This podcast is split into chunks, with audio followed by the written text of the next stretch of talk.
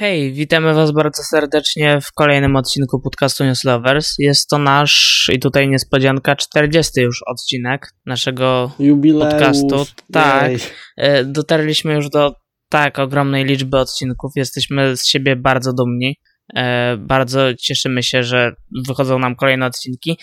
A dzisiejszy odcinek będzie specyficzny ze względu na to, że po pierwsze nie jest on wypuszczany w poniedziałek, tak jak y, zawsze wpuszczamy odcinki, a po drugie nie będzie to odcinek czysto stricte newsowy. O nie, nasza nazwa. O nie, nie, nie, nie, nie, nie, wszystko, wszystko się skrzeniło. E, prawda jest taka, że dzisiejszy odcinek e, postanowiliśmy poświęcić na coś, co powinniśmy już zrobić dawno temu. Ale nie było czasu. Tak, e, ale teraz już mamy czas i ochłonęliśmy po obejrzeniu tego czegoś, więc jesteśmy gotowi na zrównanie z błotem pewnego filmu i nie chodzi tu o nowego Matrixa. E, Jeszcze nie. jeszcze nie, not yet. Nie, nie wiemy, czy w ogóle omówimy nowego Matrixa. Jeszcze żaden z nas nie oglądał nowego Matrixa, y, więc nie, nie wiadomo, co z tego wyjdzie. E, być może, że oprócz zrównywania z błotem tego filmu poruszymy jeszcze jeden wątek, zobaczymy, jak to wyjdzie w praniu. W każdym razie teraz nadszedł ten moment. Załoga podcastu News Lovers bierze się za spoilerowe omówienie największej premiery tego roku. Już można to w sumie stwierdzić całkowicie, bo pod każdym względem jest to mimo wszystko największa premiera tego roku. O co chodzi? Chodzi oczywiście o najnowszego Spidermana, Spider-Man No Way Home. Film, który zanim w ogóle miał swoją jakąkolwiek premierę, jego temat był już w tym podcaście poruszany chyba z kilka razy co najmniej, jak nie więcej. Mieliśmy całe odcinki poruszone na temat tego filmu. E, I też w odcinkach, w których nie poruszaliśmy tego tematu za długo, no to poruszaliśmy go przynajmniej tak trochę, że wspominaliśmy jakoś o Spider-Manie i zwykle my takie swoje omówienia zauważyłem, że zaczynamy od tego, że dzielimy się swoimi wrażeniami, jakie mieliśmy przed obejrzeniem danej produkcji. Właśnie tutaj się wtrącę. Tak.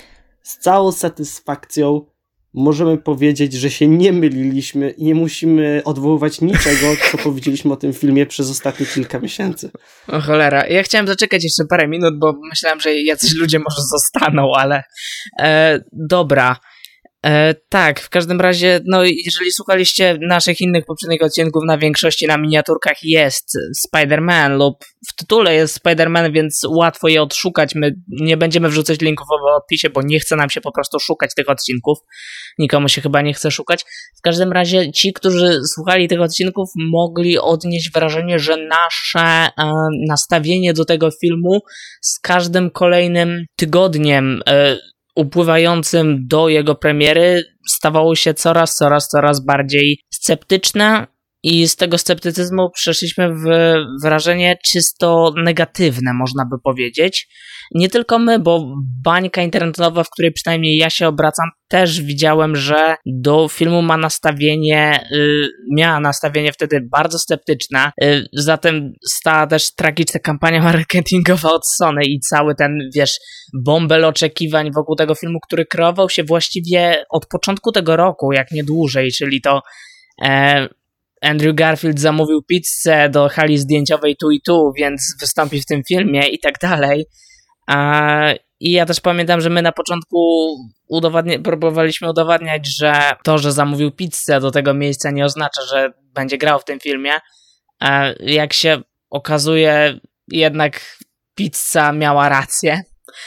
E, ludzie od pizzy mieli rację, także no tak. Już weszliśmy w spoilery, trudno, okej. Niesamowicie śmieszne jest to, że właśnie pokazała mi się taka reklama w okienku, która jest właśnie zwiastunem No Way Home. Dobra. Eee, Jeszcze promują ten film. E, Już Tak. jest grany ile? Dwa tygodnie? Już zgarnął miliard dolarów e, i jeszcze, jeszcze go chcą reklamować w jakikolwiek sposób? Serio? Dobra. E, Do, do tych zarobków to jeszcze przejdziemy. to, że to było takie, takie kliszowe, takie wiesz, takie urywki filmu i potem takie fragmenty y, poważnych krytyków w stylu będziecie oszołomieni albo największe zaskoczenie tego roku, wiesz. Z tym, okej, dobra, to możemy już na tym zacząć bazować w tej chwili i przejść do tego, że to zakończenie myślę, że dla osób, które jakkolwiek były zainteresowane tym filmem i śledziły przynajmniej pobieżnie teorie związane z tym, czym ma być, co tam ma być, czego ma nie być, co ma się pojawić, myślę, że po obejrzeniu w końcu tego filmu, nawet jeżeli były zadowolone, a te głosy zachwytu zdecydowanie przeważają w całej tej popkulturowej bańce internetowej, to myślę, że nikt, kto, tak jak powiedziałem, minimalnie chociaż śledził tę teorię, filmem w żaden sposób zaskoczony nie był. Przynajmniej nie powinien. Dlatego, że ten film jest dosłownie praktycznie spełnieniem prawie każdej teorii, jaka padała a propos jego w ciągu ostatniego roku. I przykre jest to, że to nawet to nie były częściowo teorie, to były żarty w komentarzach pod trailerami, które nie powinny mieć miejsca, a miały miejsce. Mhm, tak. Jakby zebrali pomysły od jakichś setek ludzi i stworzyli z tego takie piękne dzieło kinematografii. Tak, event taki powiedzmy. Y, bo ja się w sumie teraz zaczynam zastanawiać, jak o tym zacząłeś mówić, czy oni robili tak, że w komentarzach napisali, że, są Gar że chcą Garfielda, ściągamy Garfielda, dobra i tak dalej. Nie, raczej był na to pomysł wcześniej niż pojawiły się te komentarze, tylko że e, no to świadczy o tym, jak badziewnie było ukrywane cokolwiek związanego z tym filmem. Bo to, co omawialiśmy przy okazji, wiesz, szczególnie tego drugiego trailera, który tam się okazał e, chyba na początku grudnia, z tego co pamiętam, gdzie masz tą kultową scenę, gdzie e, postać mhm. Lizarda obrywa od powietrza. E, a jak przybliżysz kadrę na zwiastunie widać czerwone sługi. E, no i oczywiście potem ogląda się dokładnie tą samą scenę, dokładnie ona trwa krótko, ta scena w finałowym filmie, ale oczywiście mamy tam Tobiego Maguire'a i Andrego Garfielda. E, proszę bardzo, bo, bo czemu nie? Jakie tam jeszcze sceny były, Boże, w których coś wymazali? Były na pewno. Taka rączka była mm, pewna, taka śmieszna. Była rączka. Y, I proszę, jest faktycznie ten Spider-Man. Spada MJ, hej, może złapie ją Garfield. Łapie ją Garfield. Właśnie, to jest taki najbardziej przykład właśnie. Problemem to, właśnie wracając jeszcze do tych komentarzy i tak dalej, tak po prostu z tego prawdopodobieństwa, no, nie brali pomysłów z komentarzy, ale problemem jest to, że film jest zrobiony w tak przewidywalny sposób, że po prostu te komentarze były w stanie go przewidzieć bo w samym filmie nic cię nie zaskakuje. Wiesz, nie tyle nie zaskakuje W żadnym cię... momencie filmu. Tak, bo tam jakby możemy to zaskoczenie podzielić na dwa etapy. E, pierwszy jest taki, czy zaskakuje nas coś związanego z tym całym fanserwisem, na którym ten film tak naprawdę bazuje, czyli czy zaskakuje nas, wiesz, widok jakichś postaci, które miały się pojawić, jakichś scen z tymi postaciami, do których miało dojść, nawet żartów, nawet żarty były jakoś przewidziane przez fanów wcześniej w komentarzach w mediach społecznościowych i pod tym względem nie zaskakuje nas w żaden sposób. E, pod względem fabuły, tu trudno mówić o jakimkolwiek zaskoczeniu, dlatego że ten film za bardzo fabuły jako takiej nie posiada. To znaczy, mamy tu zalążek czegoś, co możemy nazwać fabułą, mamy jakieś wydarzenia, ale za bardzo nie można mówić tu o jakimkolwiek zakończeniu w kontekście tego, że właściwie w tym filmie żadne wydarzenia nie następują, a jeżeli następują, to ich konsekwencje są nieodczuwalne. Jedyne konsekwencje mamy na koniec, a one i tak są negatywne pod tym względem, że kompletnie chrzanią to, co wybudowały poprzednie dwa filmy z pajęczakiem w roli głównej. Dobra, do, y, skoro mamy wstęp załatwiony, to możemy sobie w sumie to omówienie podzielić na kilka segmentów, można by powiedzieć, i możemy sobie powiedzieć tak, że najpierw omówimy cały fanserwis, jak to wszystko wypada i tak dalej, a potem skupimy się na omawianiu fabuły i tego, co z nią jest nie tak, bo jest nie tak sporo, bardzo sporo. Potem kwestie techniczne, wiadomo, i tak dalej, i jeszcze wpływ na całe MCU i tak dalej. Zobaczymy, jak wyjdzie w praniu, wiadomo, bo ja tak planuję, a potem i tak wychodzi inaczej zawsze, więc e, let's go, let's do this. Um, fanservice. To jest coś, na czym ten film tak naprawdę bazuje. Jakby ten film jest, ja po prostu oglądając go, nie miałem wrażenia, że obcuję z filmem, który wiesz, ma do zaproponowania jakąś historię konkretną, fabułę, jakiś rozwój bohaterów i tak dalej, tylko że mam do czynienia z takim eventem jakby, który po prostu nie ma być filmem, nie ma być historią, tylko ma być po prostu prezentowaniem i spełnieniem mokrych snów wszystkich fanów Pajęczaka i zebraniem wszystkich fanfikowych motywów do kupy. Tak, to coś w stylu taka zabawa integracyjna e, scenarzystów. Takie, ktoś ma jakieś pomysły? Świetny pomysł, jedziemy dalej. I e, w żadnym momencie nie doszło do momentu refleksji, hmm, a może jednak nie. A najgorsze jest to, że biorąc pod uwagę reakcję społeczności, to z ich perspektywy jest to sukces i może dochodzić do takich sytuacji częściej w przyszłości. E, bo niestety, niestety, niestety ten film jest sukcesem, to już można z całą pewnością powiedzieć, dlatego że a ostatnim filmem, który by zarobił miliard od Marvela był poprzednie, poprzedni Spider-Man, tak? Filmy Marvela wypuszczane w tym roku, one się ledwo zwracały, bo one zarobiły 300 do 400 do max 500 milionów. Ten film przy swoim budżecie, z tego co patrzyłem, jeżeli dobrze pamiętam, około 200 milionów dolarów, zgarnia miliard mhm. w mniej niż dwa tygodnie. I to bez pomocy Chin, bo film nie jest dystrybuowany w Chinach. Więc to jest, i biorąc pod uwagę, że nie wiem jak jest w innych krajach na tą chwilę, ale w Polsce mamy ograniczenia do 30% na salach kinowych e, wie, i generalnie mamy całą sytuację epidemiologiczną, ten film jest sukcesem i temu nie da się zaprzeczyć, bo zgarnął tyle kasy, ile od początku pandemii żaden film nie zgarnął, po prostu. Tak, i to jest problem, że ten film jest sukcesem, bo definitywnie nim nie powinien być. Dla nas to jest problem, biorąc pod uwagę, czym on jest, dlatego że my nie chcemy, żeby był tym, czym on był, i nie chcemy, żeby Marvel Cinematic Universe w tej chwili szło w tą stronę, no bo właśnie.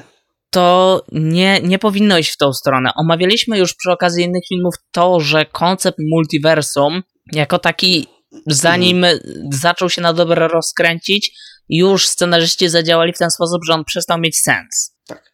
I teraz w tym filmie to już po, po, po, poszli po prostu totalnie. Oj tak. To już tak bardzo nic się nie klei. Tak, jeśli chodzi właśnie o multiversum. Już jakby mamy What If, mamy mhm. wszystko tam mamy. To mhm. już jakby dosłownie to, co mówili w Lokim, że każda zmiana powoduje powstanie nowej rzeczywistości, która była po prostu wymazywana przez TVA, nie? Tak. E, to teraz e, oni, cały film skupia się, żeby uratować życie pięciu osobom, coś takiego, nie, nie chcę mi się teraz liczyć, a jeżeli trzymać się tego, co było powiedziane w Lokim, to doprowadzi to tylko do rozszczepienia ich rzeczywistości i w jednej, z której zostali oni przetransportowani do e, tego świata naszego, powiedzmy, kanonicznego, E, to tam sobie przeżyją, ichu, a w tej drugiej nie. Bo ciągle było napokazywane, jak bardzo nie ma to znaczenia właśnie samo What If i postawa Watchera, e, jak bardzo takie pojedyncze jednostki nie mają znaczenia po prostu no, w nieskończoności multiversum. A teraz mamy sobie, no tak, moja mentalność jest taka, że no muszę ich uratować, ponieważ tak. Ale jeżeli już jesteśmy przy tym koncepcie, zatrzymajmy się tutaj na chwilę, bo popraw mnie, jeżeli się mylę, ale w tym momencie, jeżeli dobrze zrozumiałem, to całość polegała na tym, że przez y, to, że spartaczyli zakręcie, zaklęcie Strange'a, e, pojawiają nam się wiliani z innych rzeczywistości, wszyscy wiliani, którzy poznali wcześniej w swoich wymiarach tożsamość Spidermana. Dokładnie. Okej, okay, dobra. To teraz przeanalizujmy to jeszcze raz. Tak. I czy pomijając całość, że większość wymiarów, y, przyjście w większości jednostek z większości wymiarów zostaje zatrzymane na koniec przez Strange'a, a magicznie nie zaczęło się to dziać wcześniej, nie wiadomo dlaczego. Dlaczego akurat te jednostki przyszły wcześniej, a reszta ze wszystkich wymiarów, te pęknięcia na niebie, wiesz, y, pojawiły się dopiero później. A tu niestety cię muszę załamać, bo mhm. tu ma to sens. Okej, okay, jaki? E, ponieważ chodzi, że to zaklęcie było zamknięte w pudełku. I A, potem Goblin dobra. rozwalił pudełko bombą. Widzisz, to jest kolejny problem, że to jest tak chaotyczne, że ja już zapominam o co się działo i z czego wynikało i że cokolwiek tam miało logiczny sens. Jeżeli to akurat miało logiczny sens, to szanuję, że to przynajmniej ma to logiczny znaczy, sens i wytłumaczenie. Wiesz, jak chcemy się przyczepić, to ja się mogę przyczepić do setek rzeczy. Na zasadzie, jeżeli mamy nieskończoną ilość wymiarów, tak? Mhm. Tak. Yy, po prostu jest to fakt. To oznacza, że mamy nieskończoną ilość wymiarów, gdzie oni wiedzą, że właśnie e, Peter Parker to Spider-Man, tak? Mamy tak, nieskończoną i ilość osób w nieskończonej liczbie wymiarów. Dokładnie. Więc... I teraz uznali, że skoro e, zaklęcie było otwarte na kilka sekund, to akurat powinny przejść. Czekaj, policzmy. Elektro, e, Lizard, Sandman, Octopus. Szóstka. E, Akurat sześć osób, perfekt. Nie, siedem, dobra, jeszcze Venom. No dobra, siedem Venom to jest osób. oddzielny przypadek. Tak, to, to jest coś pięknego. Siedem osób powinno tak wyjątkowo przejść, ponieważ tak, a logika sugeruje, że z nieskończonej liczby, nawet w bardzo ograniczonym momencie w czasie, te kilka sekund, no przejdzie nieskończona ilość osób. To, to, to po prostu tak sugeruje samo przez Mhm, się. Tak jakby Więc- tego się nie da ograć, jeżeli poszli w taką stronę. Już to, ja pamiętam, że to, to tłumaczyłeś przy okazji omawiania What If, że tam Tak, wiem. samo y, przemieszczanie się tego Ultrona między wymiarami nie miało sensu, dlatego że No. gdzie jest pozostałe X Ultronów, nie wiadomo. A tutaj mamy dodatkowy problem taki, że ja się zaczynam zastanawiać, zakładając, w sensie, bo to było potwierdzone chyba przez producentów czy reżysera, nie pamiętam, ale zaczynam się zastanawiać w tej chwili, um, jeżeli to są wszystko te wersje tych Willianów, które widzieliśmy w e, Amazing Spider-Manach i trylogii Raimiego, to teraz zastanówmy się przez chwilę, czy każdy z tych Willianów na pewno poznał tożsamość Spidermana. Green Goblin, William Dafoe? Tak, bo to pamiętamy. Mhm. Y, Doktor Octopus? Tak. I teraz nie jestem pewny co, do Lizarda i Sandmana, ale mam nieodparte wrażenie i gdzieś to chyba wyczytałem, dlatego teraz o tym mówię, że Elektro jako postać nigdy po, y, tożsamości Spidermana nie poznał. To jeżeli to jest prawda, bo nie potwierdziłem, nie zweryfikowałem tego, wiesz, usłyszałem to z jednego źródła, ale jeżeli to jest prawda, to co on do cholery jasnej robi w tym filmie? Tak samo co tam robi Venom. Znaczy, właśnie Venom to już jest w ogóle, ja już takie teorie, ja zaraz do Venoma przejdę. A wracając do Elektro, to problem jest, że oni teraz mogą, jako twórcy, mówić, no wiecie, bo to były wymiary, gdzie byli podobni do tych Am. poprzednich filmów, ale to nie były te filmy. I w naszej wersji on wiedział. I co Tylko, teraz? że podobno twórcy też potwierdzili, że to jest ten sam elektro, który był w Amazingach, mimo że tu nie jest A, niebieski. no dobra. No, to, Więc to, to, sami się zaorali, gratulacje. Jakby całe usprawiedliwienie i pomysł na to, jak logicznie wyjaśnić to, że ci, z, że wpakowano tych Willianów starych do tego filmu, e, jest bardzo naciągany. Tak samo jak większość konceptów, na jakich operuje ten film. To jest bardzo naciągany koncept. I no dobra, okej, już możecie sobie wsadzić tych Willianów do tego filmu. Jest kilka co najmniej scen, w których mogę podać, że miałem nieodparte wrażenie, że okej, fajnie jednak ich zobaczyć.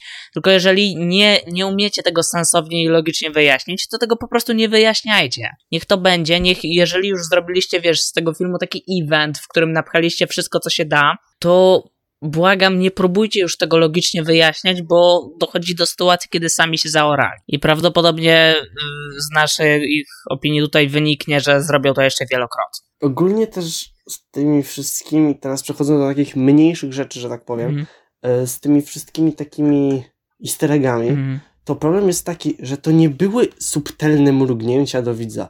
To To, było walnięcie widza w oko pięścią, kopanie go leżącego i pytanie się potem, czemu nie śmieje się z ich wysublimowanego żartu. To nie! to jest takie podejście, tego nawet chyba nie można nazwać łopatologicznym. Bo to jest, wiesz, to nie jest, wiesz, subtelne, tak jak mówisz, to nie jest jakby, y, wiesz, jakieś nawiązania, nawet gdyby one nie były fajne, ale były subtelne, może bym to jakoś zaakceptował. Najgorszy moment filmu, You are O amazing. kur... I to powtarza. To było tak. Nie, ale Nie! wiesz co, jeżeli już przechodzimy do tego, które, bo jak już jesteśmy przy tym fanserwisie, to ja bym, ja myślę, że mogę go podzielić u siebie tak mentalnie, według mojej opinii, na trzy kategorie. Możesz jakieś w sumie dodać, jak chcesz, bo nie wiem. Mamy taki, który jest fajny, akceptowalny, ale nie ma, jest pusty i nie ma kompletnie żadnego znaczenia dla fabuły, bo potem coś takiego z, znika. Przykładem tutaj Daredevil, cała postać Daredevila, która Tak, to w ogóle. tak. Bo to była zabawa. Okej, ja nie znam Daredevila i tak dalej, ale to była dla mnie zabawna scenka. I'm a good lawyer. Tylko, że ona nie miała w tym filmie kompletnie żadnego zastosowania.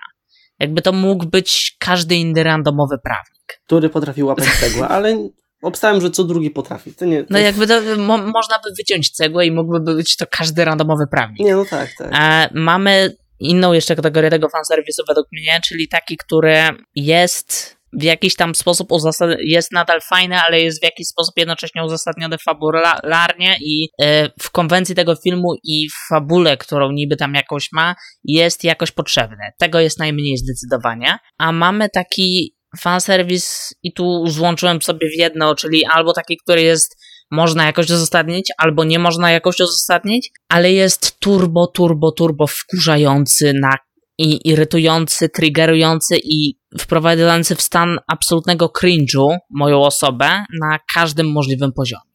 I z tego najbardziej się wybija to, co powiedziałeś, czyli Maguire mówiący do Garfielda You are amazing, you are amazing.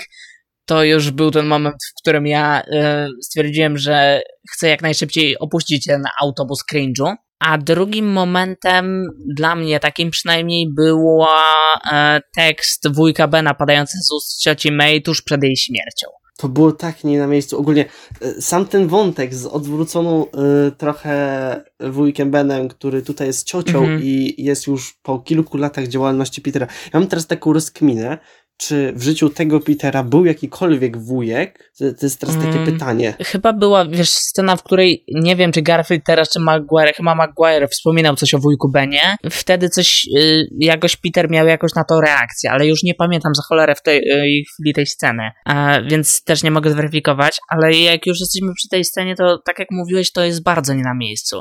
Dlatego, że przez to, że ten dialog, wiesz, tak nie doprowadził u mnie do jakiegoś, wiesz, wzruszenia czy czegoś, e, tylko doprowadził do spotęgowania jeszcze bardziej tego cringe'u, przez co ta scena dla mnie straciła jakikolwiek wydźwięk emocjonalny, a zdecydowanie powinna go mieć, biorąc pod uwagę, jak ważną osobą była May dla Petera.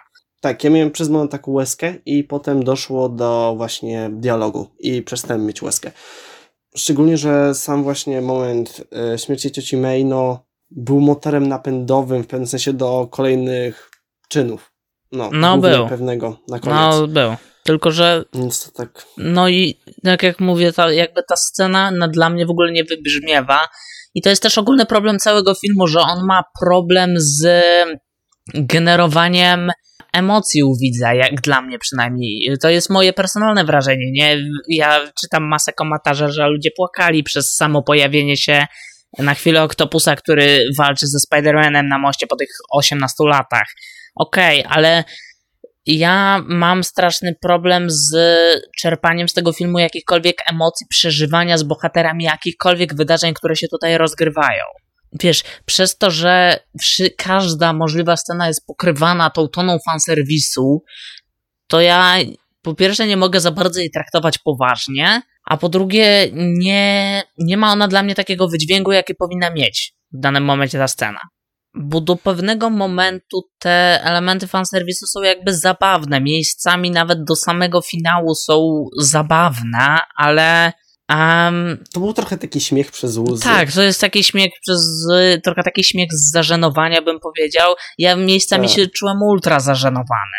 Jak y, się pojawiła postać Garfielda, a pierwszy raz przeszła przez Poltar, a, a zaraz potem pojawiła się postać Maguire'a, fajna była ta scenka z mm, Mm, ciocią Neda, która y, każe mu tą pajęczynę zdjąć z sufitu. To było akurat fajne i zabawne, tak prawdziwie zabawnie, no, ale jednak potem jak wszedł Maguire, mieliśmy coś w rodzaju y, króliczej uszy konfrontacji tych dwóch postaci, no to już miałem takie ultra odczuwalne zażenowanie po prostu tym, co widzę. Co do tej samej sceny i ogólnie jej fabularnego e, wydźwięku, to było tak leniwe, żeby wprowadzić dwie wow postaci, w sensie z założenia, e, po prostu w głupiej scenie, gdzie on nagle odkrył, że może tworzyć portale. W sensie, to było mm -hmm. tak nieoryginalne. Nie było żadnego powodu, żeby to, że chciał otworzyć portal do Petera Parkera, dwa razy z rzędu nie doprowadziło go do jego, tylko do przypadkowych ludzi, których e, w życiu wcześniej nie spotkali. No zdecydowanie. Ponadto wiesz, jeszcze samo wprowadzenie tych postaci w drugi, w tych, to jest już trzy czwarte filmu chyba za nami w tym momencie. Już zbliżamy się do finału i te postacie pojawiają się dopiero pod koniec. Mamy z nimi zaledwie kilka scenek tak naprawdę. Um, I okej, okay, no dobra, to też jest naciągane, że oni bez problemu wierzą, że magicznie nagle istnieje multiversum, hej, i przeszliśmy do innego wymiaru i sami się w tym ogarnęliśmy i sami wiemy, że teraz już jesteśmy w innym wymiarze. To okej, okay, mogę jakoś tam uwierzyć w to, że oni jako dwójka osób dosyć inteligentnych a jakoś w to mogli uwierzyć, ale jednak to też jest dla mnie naciągany koncept. Tak jak większość. No tak, tak jak większość konceptów w tym filmie. Jakby samo to, że mamy po prostu te scenki z nimi potem, to jest taka kumulacja wszystkiego, podsumowania jakiegoś i powrotu do wszystkich wątków, jakie były z nimi związane. W przypadku Garfielda jest to, wiesz, e, poruszenie śmierci Gwen, Y, i tak dalej. W przypadku Maguire'a, y, wujka Bena, mamy po prostu u obu tych postaci poruszone wszystkie możliwe wątki z życia. U mnie to był wujek, u mnie to była ciotka, u mnie to był ktoś tam. Y, nie wiem, poruszenie. To wychodzi. Nie chodzi o samą obecność tego, tylko chodzi o to, że ja odczuwam po prostu straszną sztuczność oglądając to. Że to jest strasznie nierealne, nieprawdziwe to jeszcze coś z takich fajnych e, smaczków. E, no na pewno gdzieś jest czarny Spider-Man. Jestem o Jezu Chryste, to, to też było na maksa żenujące. Nie. Myślałem, że jesteś czarny. Myślałem, że jesteś Spider-Manem. Nie, to tak, to jest top 3. Z wielką mocą wiąże się wielka odpowiedzialność. Z ust cioci May umierającej E, myślałem, że jesteś czarnym Spider-Manem i you are amazing. Amazing. To jest top 3 najbardziej żenujących akcji z tego filmu. A, a wracając do tego, to tak jak mówię, wypada to strasznie naturalnie i ja dawno nie oglądałem e, Spidermana e, Into the Spider-Verse, ale tam mieliśmy coś bardzo podobnego, że też te mm, różne wersje Spidermana z różnych wymiarów i rzeczywistości wymieniały się że w sumie ich historia, mimo że inna w szczegółach, na pozór jest bardzo podobna w wielu aspektach. I tam z tego co pamiętam. Co też jest błędne, jeżeli chodzi o koncept multiversum, ale dobrze już Niby tak, ale tam jakby w, um, w tych scenach nie, nie pamiętam, żebym miał odczucie takiej żenady po prostu tym, co widzę i nie, nie, mia y, nie miałem wtedy poczucia sztuczności. W tym filmie to poczucie sztuczności w takich scenach mam ogromne. Nie umiem, wiesz, wyjaśnić, z czego to wynika, czy po prostu... Było to po prostu lepiej poprowadzone. No, jakby tam, z tego co pamiętam, wątki tych postaci jakoś i wszystko, cała intryga z tym związana i tak dalej, była lepiej poprowadzona. Całe uzasadnienie... Yy, na jakiej zasadzie odpala się cała dziura między multiversami, było chyba lepiej uzasadnione. Tam, z tego co pamiętam, był ten cały koncept, że e, oni nie mogli pozostać w tym wymiarze, bo coś im się tam krzaczyło z nimi. To jakby to było lepiej, bo tu, tu właściwie nie mamy, oni mogą pozostać w tym wymiarze chyba i coś tam. Nie wiem. Plus też sam, występ Garfielda jeszcze ok, ale Maguire to w tym filmie wygląda na strasznie zblazowanego już, totalnie. Oraz jeszcze był pewien mem, tak e, subtelnie w cudzysłowie wpleciony. I'm something of a scientist myself. Dobra, w sumie nie trzeba już więcej przytaczać, bo jakby jeżeli oglądaliście film, to najprawdopodobniej to wszystko wyhaczyliście. Po prostu chodzi o pewną zależność i no nie. To ja przytoczę jeszcze jeden ostatni mem. E, Spider-Man do Doktora Strange'a. Can you make everyone forget Mysterio, including what he ever said? Of course. Ending credits. Koniec. Jakby to, ten obrazek doskonale pokazuje, jak bardzo cała koncepcja tego filmu i jego fabuła jest naciągana i pretekstowa. Po prostu. E, wszystko jakby, co tam się po kolei dzieje, a wszystkie wydarzenia, do jakich dochodzi, to są strasznie pretekstowy, to jest ciąg wydarzeń, jakby to, że Peter idzie do doktora Strange'a, co jest potem pokazane zresztą jako absurd. Ten film pokazuje nam tą sytuację jako totalny absurd, um, bo Peter, jedna rzecz w życiu mu się nie udała i już idzie, żeby doktor Strange ogarnął i wymazał pamięć całej ludzkości. bardzo tak, wygodne, Parker. Też taki, jakby jak osoba, która dostała się, tak koniec końców, na MIT, nie wiedziała, że można się odwołać. To one point, Jak? ale jakby Ja, całość jak? tej sytuacji, oni to pokazują w tym filmie jako absurd.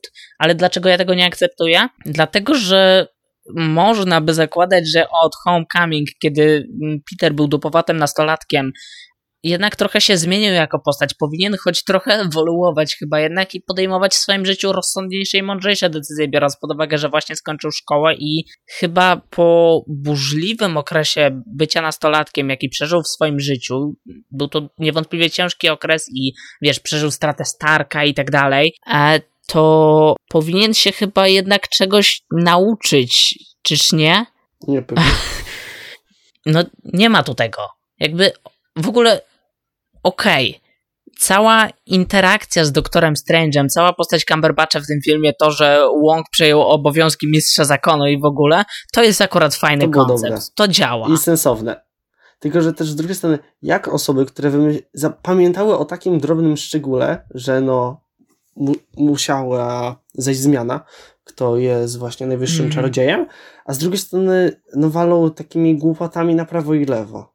To jest takie, no. To jest, tu się pokazuje to, o czym ci przesyłałem informację jakoś też przed premierą filmu, że e, scenariusz powstawał w trakcie zdjęć.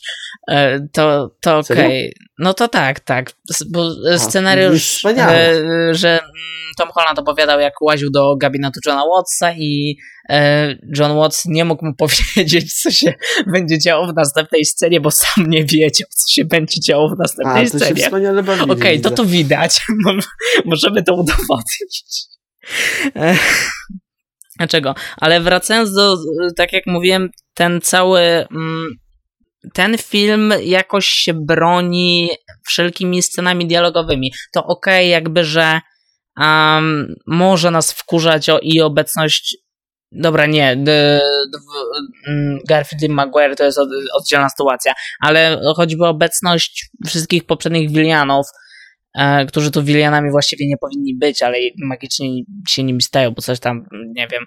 A w każdym razie ich obecność jakby generuje pomiędzy nimi sceny dialogowe, sceny dialogowe pomiędzy Doktorem Strange'em, sceny dialogowe pomiędzy y, mm, Spider-Manem Hollanda i to plus te sceny y, mm, dialogowe i sytuacyjne pomiędzy Parkerem Hollanda a Doktorem Strange'em wypadają w tym filmie najlepiej.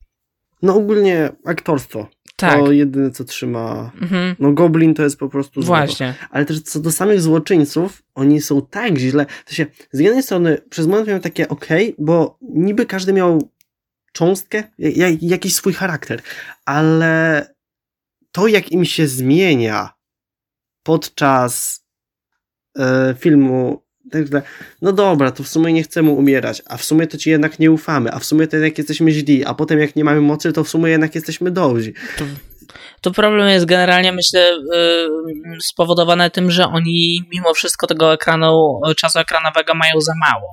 To, co wykazywaliśmy już wcześniej przed premierą filmu, w sensie przewidywaliśmy, że ponieważ film trwa, no już i tak trwa ponad dwie godziny, a postaci jest dowalonych tyle, że sensowne rozłożenie czasu ekranowego pomiędzy nie wszystkie będzie niemożliwe. I faktycznie okazuje się, że wiesz, że jest to niemożliwe po prostu, bo cały czas mamy jakieś niedopowiedzenia, posta- e, motywacja tych Willianów, o ile jakąkolwiek oni mają, zostaje niedostatecznie dobrze ugruntowana, bo oni po prostu nie mają wystarczającej ilości czasu ekranowego. To, że pozytywnie, przynajmniej dla mnie, wybija się tutaj postać doktora Octopusa, jest spowodowana tym, że on miał stosunkowo tego czasu ekranowego jeszcze najwięcej. E, I też jego wątek był jednym z najlepiej poprowadzonych wątków w poprzednich Spider-Manach Raimiego. I to samo z wcześniej już wspomnianą postacią Williama Dafoe, e, czyli Zielonym Goblinem e, Osbornem. To wynika z tego, że ta postać miała tego czasu ekranowego stosunkowo dużo na rozwinięcie tej historii i dlatego między innymi dodając do tego to, że William Dafoe jest aktorem wręcz perfekcyjnym, generuje nam się coś tutaj takiego, że y, wątek Green Goblina wypada naprawdę świetnie. I przy tym wątku, Damn. tym jak pokazane jest to popadanie w szaleństwo, nadal minęło, wiesz, te prawie 20 lat od premiery tego filmu, chyba nawet 20, a, a William Dafoe jako ta postać wciąż jako aktor pokazuje klasę. E, I to wypadło tutaj świetnie, tylko że oczywiście jego wątek też na koniec w finale musiał zostać skrzaczony, bo e, najpierw jest okładany przez Petera Hollanda, e, bo czemu nie, a po, To akurat mi się podobało, że nie hamował się. Okej, tam, tam było pokazane z kolei u Holanda dobrze to napięcie jakby wzrastające tego, że chce tej zemsty, mimo że mm, znając, mm, kiedy poznał, wiesz, historię obu poprzednich Parkerów, powinien po, powstrzymać się jakoś, bo logicznie rzecz biorąc mógłby dostrzec, że nie ma to sensu, ale ukazuje to nam go jako, wiesz, człowieka, bo pokazuje, że mimo wszystko nie powstrzyma się, bo zaczynają działać emocje i instynkty ludzkie, bo jest człowiekiem. I to wypada dobrze, a z drugiej strony mamy potem tego zielonego goblina, który tam mamy, wiesz, Mag Maguire'a i Garfielda, którzy tam stoją na uboczu, zaraz znikną w tych świetlistych rozbłyskach, które kijowe wyglądają swoją drogą. Um, ale y, on tam gdzieś sobie stoi z boku i w sumie od momentu, kiedy Peter już zaczął ustalić z doktorem Strange'em, że tak chce, żebyś rzucił to zakręcie i tak dalej, to ta postać stoi tak gdzieś tam na uboczu, jest takim tłem i w sumie już nikogo nie obchodzi. Się... No ogólnie no, było tu za dużo postaci, żeby każdej dać wystarczającą ilość czasu i uwagi, po prostu.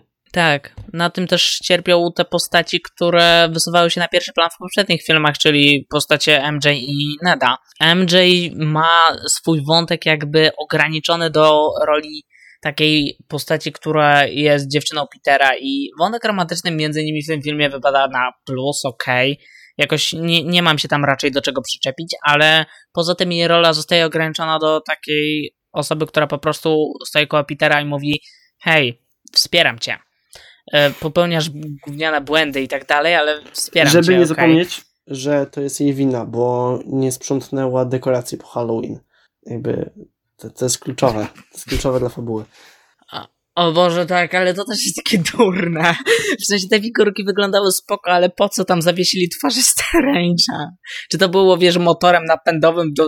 Bo to wygląda, ten film nam próbuje zasugerować, że to był motor napędowy do tego, żeby Peter do Strange'a jednak poszedł. A to jest idiotyczne to jest też strasznie pretekstowe rozwiązanie. Mimo, że jest na pewnych płaszczyznach zabawne, to jest pretekstowe. I jednocześnie, tak jak mówię, ta y, MJ w tej swojej rolce wypada ok, a jednocześnie ten film strasznie mam wrażenie, że jej postać ograniczał po prostu. Y, że miała tą rolkę, dobrze w niej wypada, ale poza tą rolką nie miała kompletnie nic. A postać Neda to już w ogóle nic nie miała, oprócz kilku zabawnych sytuacji y, dialogowych, które jeszcze się nawiązały przy okazji pojawienia się Maguire'a i Garfielda w tej drugiej drugiej połowie filmu wtedy ta postać wypadła najlepiej, a tak to w sumie za dużo, żeby nie powiedzieć nic w tym filmie do tak, roboty nie miała. jest, jak mm, było najpierw takie trochę podhypowane, że wow, ma moce, może będzie czarodziejem, jakby mnóstwo było tych scen przez cały film, że łapie go pelerynę i tak dalej, e, a potem mamy, że w sumie to ma pamięć wymazaną, więc w sumie to jednak pójdzie sobie na studia.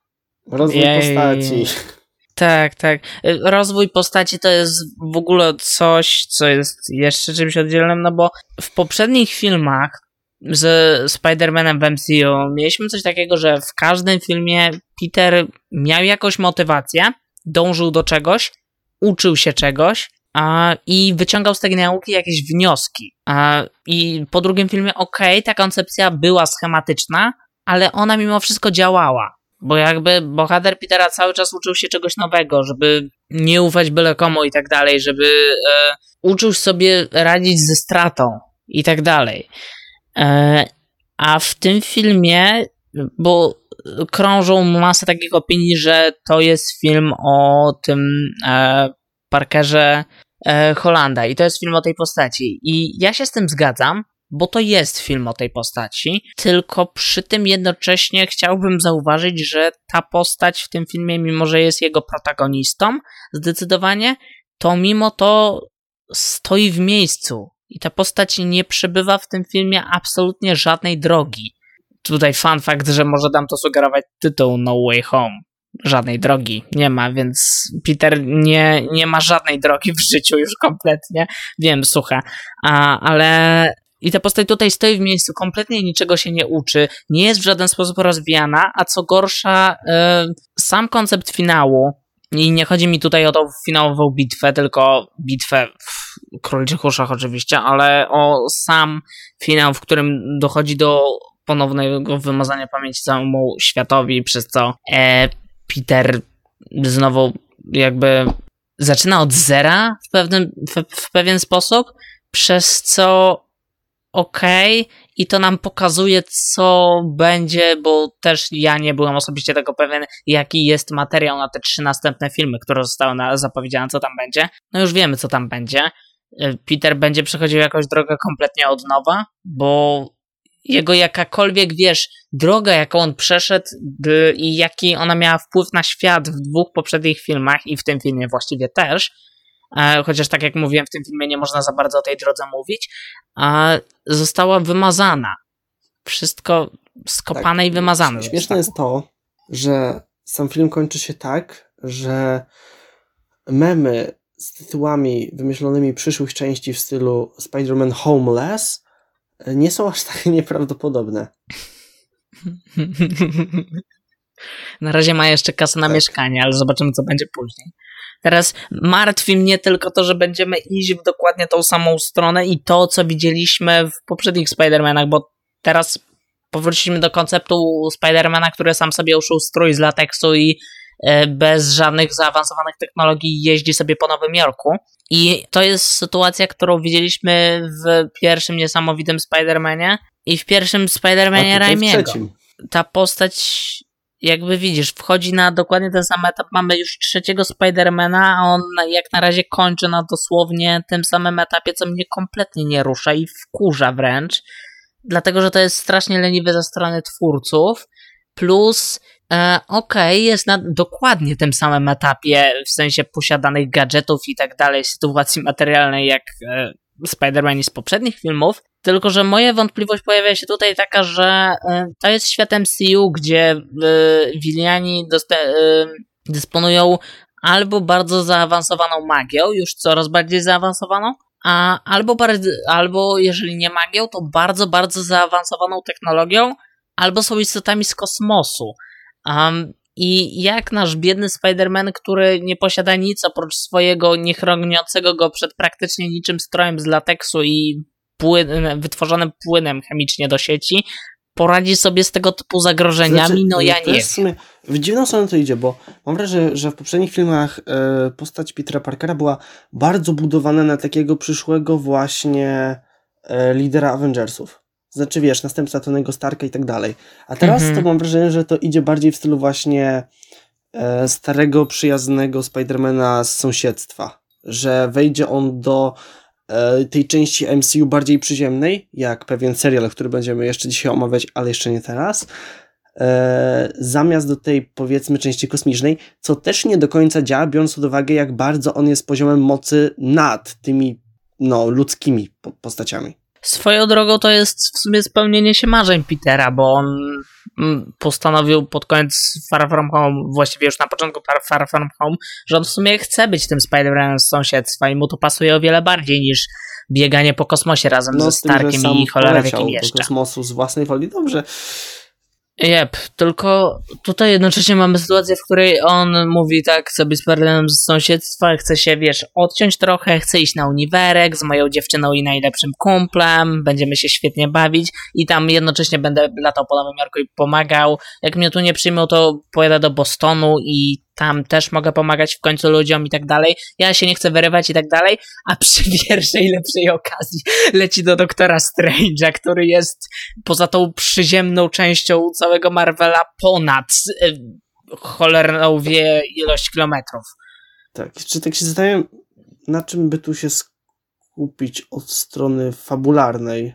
No dobrze, mamy Venoma. Tak, mamy Venoma. Mamy Venoma. Pytanie brzmi, czy to dobrze, że mamy Venoma. Czy ty widziałeś scenę po napisach z Carnage? E, tak. Bo to jest kluczowe w tym momencie. Okej, okay, ja też widziałem scenę po napisach z Carnage. I z niej by wynikało, że Venom jako istota pozaziemska ogarnia jakimś cudem jakoś tak. koncept multiversum. I że jakby tutaj się spotkałem z takimi teoriami, że z komiksów, że Rój, coś takiego, który ma wspólną świadomość e, pomiędzy rzeczywistościami i dlatego ten Venom wiedział, że Peter Parker to Spider-Man i dlatego zostali teleportowani, a no Eddie to tak sobie był przy okazji. Mhm. No dobra. Ale to jakby nam uzasadnia to, to, że Eddie Brock mógł się jakby w sensie został no, przeniesiony. tak, tylko że jest to bardzo naciągane i zakłada setki rzeczy, które nie były powiedziane w filmie. Mhm. Mhm. Naciągane też jest to, że jak Eddie wraz z Venomem znikają, to Venomowi pozwala się zostawić tą mikrocząsteczkę tak, w świecie MCU. Nie było żadnego, żadnej potrzeby, no. żeby ten zabieg miał miejsce. Dało się wprowadzić Venoma po prostu w MCU na setki sposobów, a oni uznali, że najlepszym jest zrobienie sceny po napisach z postacią, która już prawdopodobnie nie będzie miała żadnego związku no, z tym światem, bo się teleportowała z powrotem. Super. Teraz kolejne co marzę to fuzja y, MCU z Sony. Po prostu to jest to, y, o czym marzę teraz całkowicie.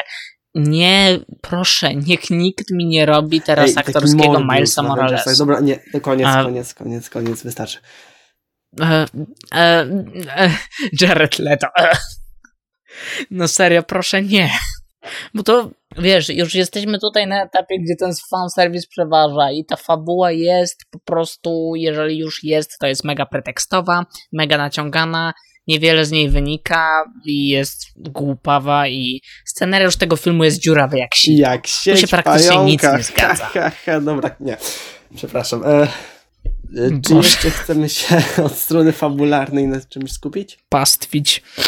Tak się jeszcze zastanawiam, w ogóle, y, tak, jeżeli mam jeszcze opowiedzieć o swoich takich osobistych wrażeniach, najbardziej, bo mam jeszcze jeden problem taki, że poprzednie dwa Spider-Many z MCU, to co jakby za co najbardziej je szanowałem i to co najbardziej w nich mi się podobało, to był ten e, taki teenage'owy klimat z elementami tej teen dramy. To, że akcja działa się w liceum, mieliśmy jednak na każdym kroku było odkreślane, że Peter jest nieogarniętym e, nastolatkiem, który popełnia głupie błędy, umówmy się, e, i działa pod wpływem impulsów i tak dalej, jeszcze bardziej niż dorośli bohaterowie z MCU.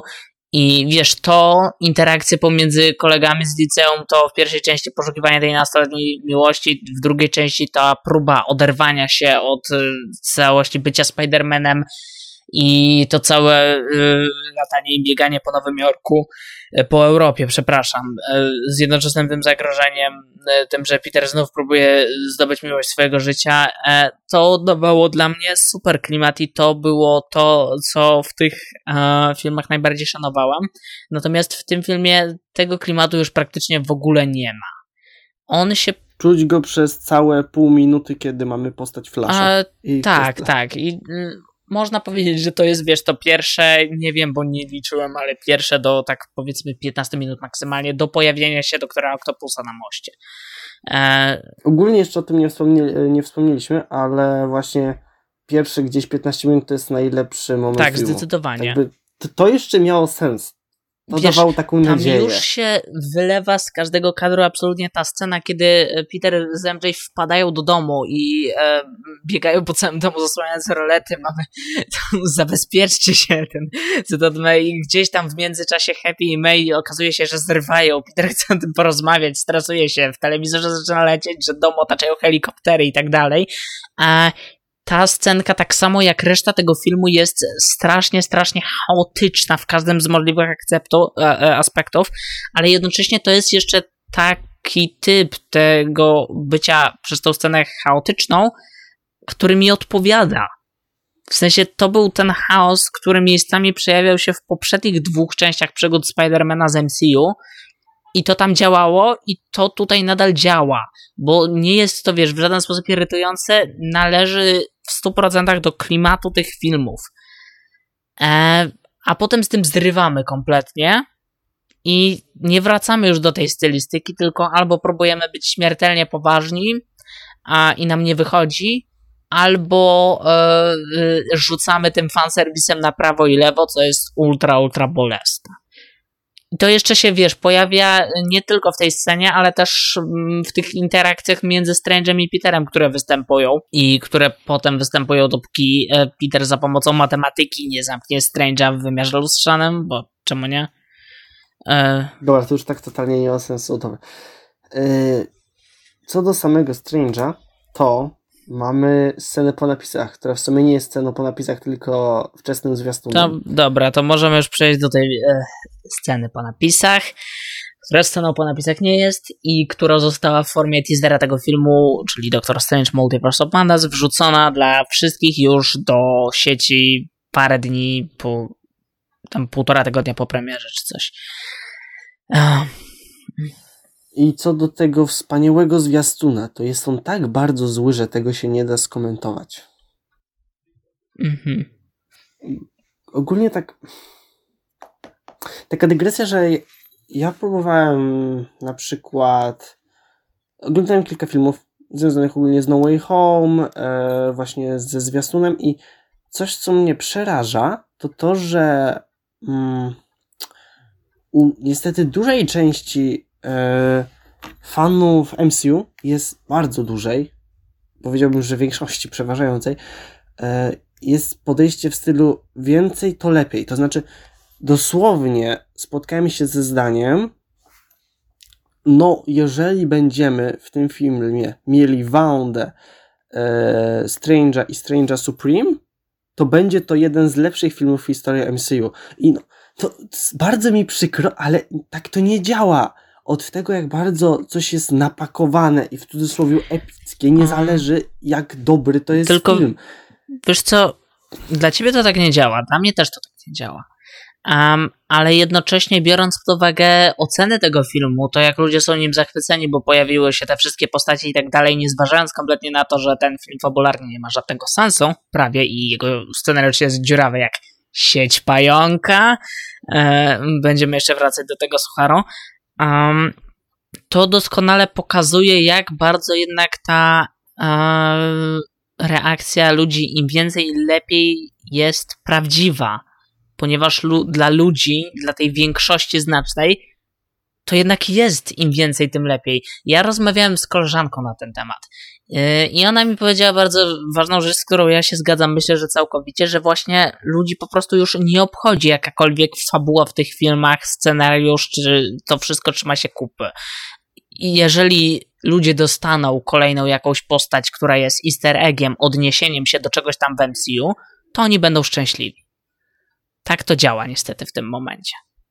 I to wiesz, jest niewątpliwie przykre, biorąc pod uwagę, że właśnie przez coś takiego Marvel stacza się właśnie taką otchłań bazowania na fanserwisie i odchodzeniu od tego, czego ja oczekiwałem od MCU, że po tym wielkim evencie, jakim było Endgame, Marvel y, jakby zmieni koncepcje, na których bazował, przestanie działać na sprawdzonych schematach y, swoich filmów i spróbuje po prostu czegoś nowego, um, oryginalniejszego i pójdzie w stronę dawania twórcom wolniejszej ręki, można by powiedzieć, aby mogli oni tworzyć w ramach Marvel Cinematic Universe projekty bardziej indywidualne o indywidualnym, oryginalnym charakterze, tylko, że biorąc pod uwagę i Marvel częściowo zrobił coś takiego, bo powstały nam Eternals, które ja, tak jak mówiłem już w recenzji Eternals, nie jestem do końca fanem stylistyki Eternals nie, i też nie jest to film idealny pod względem opowiadania historii, też ma w tej historii Co nie zmienia faktu, duże błędy. Że odważę się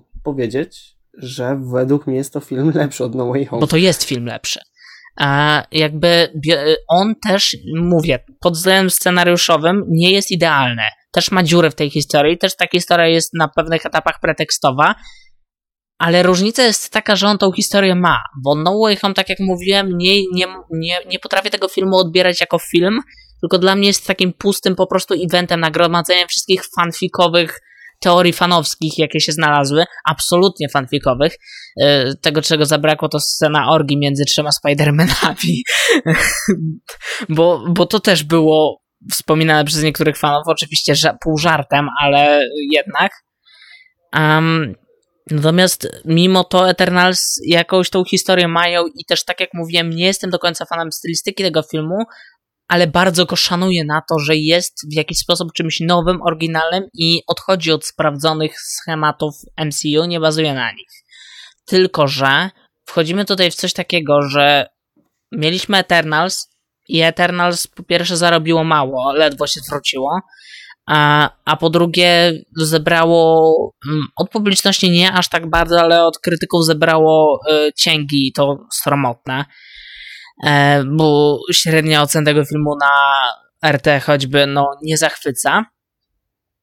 I to był ten oryginalny projekt, a potem dowalono nam projekt, który w żaden sposób nie jest oryginalny, nie jest autorską wizją czegoś tam, tylko nie jest nawet spójną, dobrze napisaną historią, nawet dobrze nie wygląda, tylko jest po prostu dowaleniem postaci. One jest czymś w rodzaju w sumie jak e, ten jubileuszowy odcinek Przyjaciół, czy ten e, powrót do Hogwartu, z, czyli tym zebraniem e, obsady Harry'ego Pottera, tylko nie ubranych w formę tego paradokumentu, tylko ubranych i czy tam e, takiego wielkiego toku, tylko ubranych w formie czegoś, co ma fabułę teoretycznie. I to jest właśnie coś takiego. I ten film zwraca się i to z ogromną nadwyżką. Ma, zbiera doskonałe opinie, doskonałe wręcz po prostu, bo średnia ocena tego filmu przez pierwsze dwa dni od premiery utrzymywała się na poziomie 100% pozytywnych opinii. A, I dochodzimy do momentu, kiedy Disney widzi no, niby ktoś tam coś przebąkiwał o tych oryginalnych projektach, ale ten nasz oryginalny projekt to właściwie nie zarobił, nie zwrócił nam się, więc spadajcie z oryginalnymi projektami. Trzaskamy kolejny fanserwisowy film za kolejnym fa fan, fanserwisowym filmem. Tak Nieważne, że ludzie będą myślę. pieprzyć, że coś tam, to nam się zwróci, y, zarobimy na tym pieniądze i jest super. Przez to właśnie, że większości ludzi to się podoba, potem ci sami ludzie powiedzą, chcielibyśmy z MCU coś oryginalnego, sami doprowadziliście do tego, że nie, nie dostaniecie nic oryginalnego z MCU przez coś takiego. Ja teraz nadzieję upatruję w Thor Love and Thunders od Taiki Waititiego. Ufam, że tutaj, wiesz, jeszcze pójdziemy w stronę, że po pierwsze dostał wolną rękę. Bo w Strange'a przestałem trochę wierzyć. Mhm. W sensie, Niestety. dla ciebie ten zwiastun był tragiczny, a ja ci się szczerze przyznam, że dla mnie tragiczny nie był. Jakoś... Zależy, który moment pocz początek był naprawdę Początek ten, miał dobry klimacik, już... tak. No nie, w sensie niby fajnie zobaczyć w tym zwiastunie Wandę i tak dalej, ma własną farmę i w ogóle, a jednocześnie mam gdzieś na boku, po pierwsze, że reżyseruje ten film Raimi, który mm, pierwszy, y, ostatni swój film to zrobił tak chyba z 10 lat temu. E, po drugie, że y, reżyser na stanowisku w trakcie produkcji gdzieś tam się zmieniał. Um, a po trzecie, no to, że ten film może cierpieć na dokładnie te same problemy, na które cierpiał No Way Home. I to sprawia, że jednak y, zamiast pozytywnego nastawienia mam nastawienie dosyć sceptyczne. Ale przynajmniej plakat był ładny. Plakat dostaliśmy piękny, tylko że to jest ten pierwszy plakat. Ten pierwszy plakat zawsze jest trochę lepszy, ale a potem nadchodzi ten plakat, y, na którym są te postacie pierdyknięte gdzie się da i tyle. A, ale i tak tutaj nie, nie odpowiada za to Sony, więc i tak te plakaty będą lepsze jakościowo. Nawet jak będą okropne, to, to będą na pewno lepsze jakościowo niż to od No Way Home, które były tragiczne, ale o tym już wspominaliśmy wielokrotnie w poprzednich odcinkach. Tak w sumie doszedłem do wniosku, że społeczeństwo fanów Gwiezdnych Wojen jest bardziej wymagające od społeczeństwa fanów MCU. Jest mi jej przez to smutno. Mhm. Bo dosłownie sequele były tym samym co No Way Home, tylko że nie spotkały się e, z takim. I ludzie właśnie narzekali, że to jest fanserwis, że im się to nie tak, podoba i tak dalej. O to mi chodzi. Z tym też są memy. Gdzie oryginalna historia z Gwiezdnych Wojen i tak dalej. Potem ten sam typ oglądam na Way Home. Wow, super, mam e, Spider-Manów sprzed 10 i 20 lat. Wow, ale super. No nie. Jakby, wiesz, to nie jest tak, że dla mnie ten film, a tak jak twierdziłem, że będzie totalnym gównem, to totalnym gównem jest. Bo nie jest. Tylko to nie, tak jak mówiłem już dwa razy chyba, nie umiem go traktować jako normalny, zwykły film. I ja po prostu wyszedłem z sensu taki przytłoczony, że nie potrafiłem prawie nic powiedzieć na jego temat, bo on mnie tak przytłoczył tą ilością, tylko że na szczęście w moim mózgu nie uruchomiła się reakcja, przez którą um, wyzwolił się w moim umyśle zachwyt. Możliwe dlatego, że ja, tak jak i ty, byliśmy od samego początku, kiedy pojawiły się pierwsze ploty, że y, będzie tam tych dwóch poprzednich Spider-Manów i poprzednich Willianów, no to na Willianów nie kręciliśmy tak nosem, ale na koncept dwóch poprzednich Spider-Manów w tym filmie kręciliśmy nosem od zawsze, od samego początku, kiedy on nie był potwierdzony tymi słabo ukrytymi renderami i scenami z trailerów. Ja jakby wiesz, nigdy nie chciałem tej obecności tych Spider-Manów w tym filmie. Wyraziliśmy to chyba dość tak. jasno. E, została nam jeszcze strona techniczna tego filmu, bo tu warto poruszyć, myślę, że co najmniej kilka kwestii. E, pierwsza jest taka, że już po zwiastunach wyglądało, że niektóre sceny wyglądają wprost okropnie źle, nawet jak na kino bohaterskie. Przypominam, mamy tu film z budżetem 200 milionów około. To jest spora kwota. A już przechodząc do samego filmu, to niektóre sceny akcyjne, jak nie większość z nich, wygląda absolutnie okropnie. W sensie, Wada jest taka, że one absolutnie wszystkie dzieją się w nocy, co jest umyślnym zabiegiem, żeby wiadomo wymazać e, wszystkie niedociągnięcia związane z tym, że nie, e, nie dopracowano tych efektów wystarczająco, a i tak one wyglądają dla mnie okropnie ta scena, gdzie y, Spider-Man szuka postaci Elektro i pierwsze pojawiają się postaci Elektro wśród tych słupów, gdzie mamy najpierw ten pseudo-zachód słońca, a potem noc, to miejscami wygląda jak y, rendery z słabej gry wideo. Tak, to niestety prawda. I ogólnie tak wizualnie filmy Marvela nie są ostatnie, te ostatnie nie są zbyt zachwycające. Mhm. W sensie okej, okay, mogę się zgodzić z tym, że efekty, jakość efektów wizualnych CGI w Marvelu nigdy nie była powalająca. Ale nawet jeżeli nie była powalająca, to gdzieś na etapie Endgame, Infinity War, a jeszcze nawet wcześniejszych filmów, mieliśmy przynajmniej jedną, dwie sceny, które w jakiś sposób, dwie sceny CGI, które w jakiś sposób były potem zapamiętywane i długo przez nas przytaczane i opisywane, bo zapadały w pamięć pod względem tego nie tyle może jakości, ale tego jak zostały zrobione i jak wyglądają wizualnie.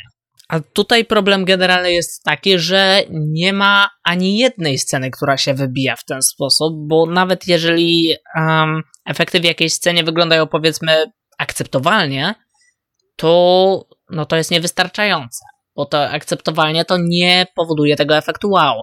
200 milionów to, to jest spory budżet, jak na film, za to da się zrobić naprawdę przyzwoite efekty. Nie wiem, jaki budżet miała Duna, ale ten film wyglądał o niebo lepiej. Ogólnie, no, z takich nowszych to Eternals może? E, z takich, wiesz, w stylu lepiej wyglądających. Tam też, wiesz, przewaga była taka, że tam większość scen akcyjnych nie działa się w nocy. Tu dzieje się w nocy. No ogólnie coś Eternals naprawdę wyglądało według mnie akceptowalnie. Tak. Ale tak, w porównaniu do Duny to wszystkie są no tak... W sensie ja w Eternals, wiesz, przypieprzałem się do paru scen, e, bo dla mnie nie wyglądały wystarczająco dobrze, ale te efekty były na poziomie, no okej, okay, są dobre, w niektórych scenach były lepsze, w niektórych gorsze, ale raczej nie było tak, że wiesz, że bolały oczy, jak się na to patrzyło. Tutaj stanowczo bolą. Nawet wiesz, w Shang-Chi, gdzie też się czepialiśmy i w finale mogliśmy jasno, zgodnie stwierdzić, że te efekty no yy, nie, nie domagały w niektórych momentach, bo zdecydowanie tutaj był mniejszy budżet, to nie raziło mnie aż tak bardzo jak tutaj. Znaczy, ja byłem na tyle zajęty załamaniem fabułą, że w sumie za bardzo się nad efektami nie skupiałem, mm, wiesz? No, to też. Tak szczerze powiedziawszy, więc...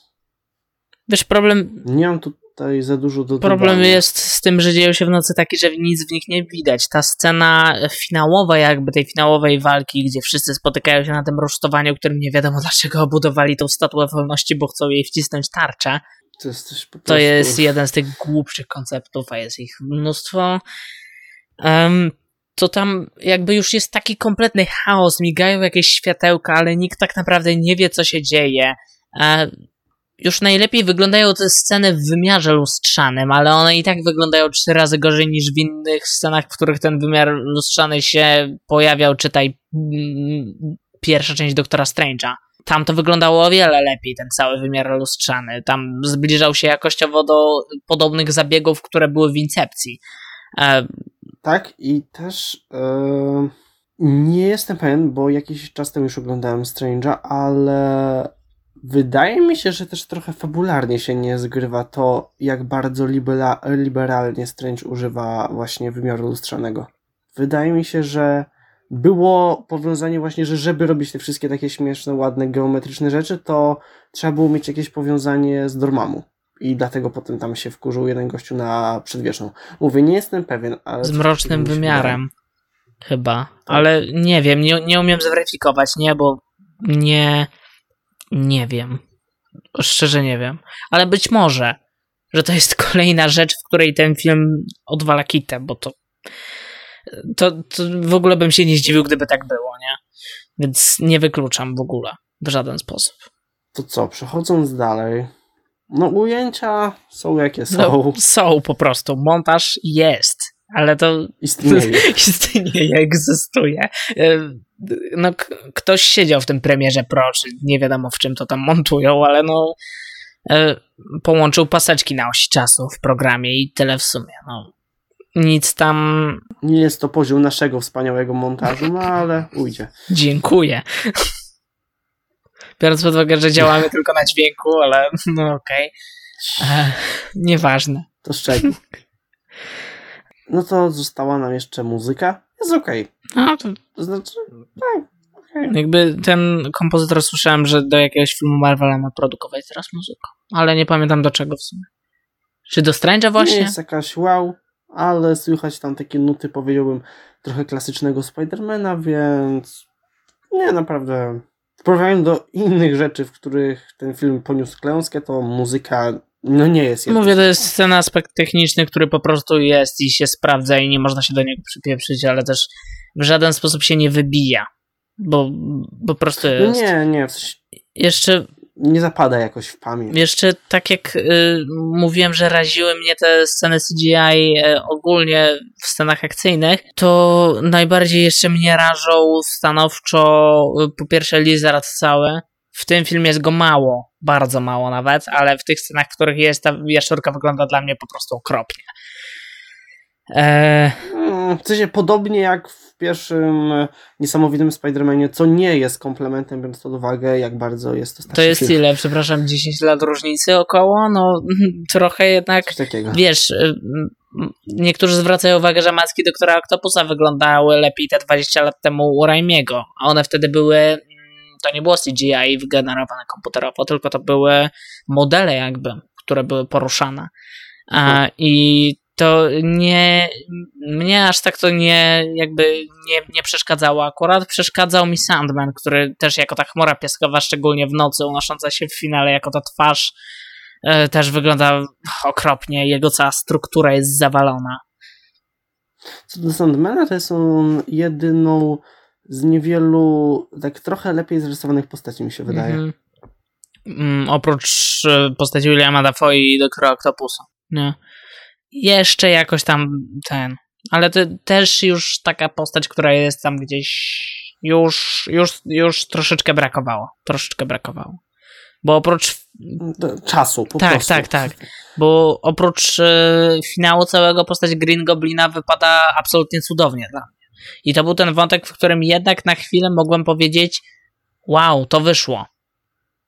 Generalnie wiesz, e, w całości tak naprawdę ten film ratuje się jeszcze jakoś grą aktorską i to, że no mimo, tak, że scenariusz, scenariusz został zawalony, to widać tutaj, że John Watts na stanowisko reżysera jednak próbuje nad tym bajzlem jakoś panować i nie wychodzi mu to za dobrze, ale przynajmniej aktorów potrafi poprowadzić tak, żeby ta yy, nie, nie, yy, chemia między nimi była jakoś odczuwalna i to wychodzi.